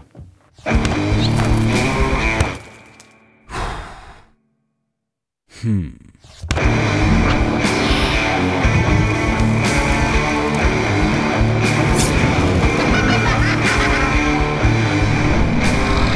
苦。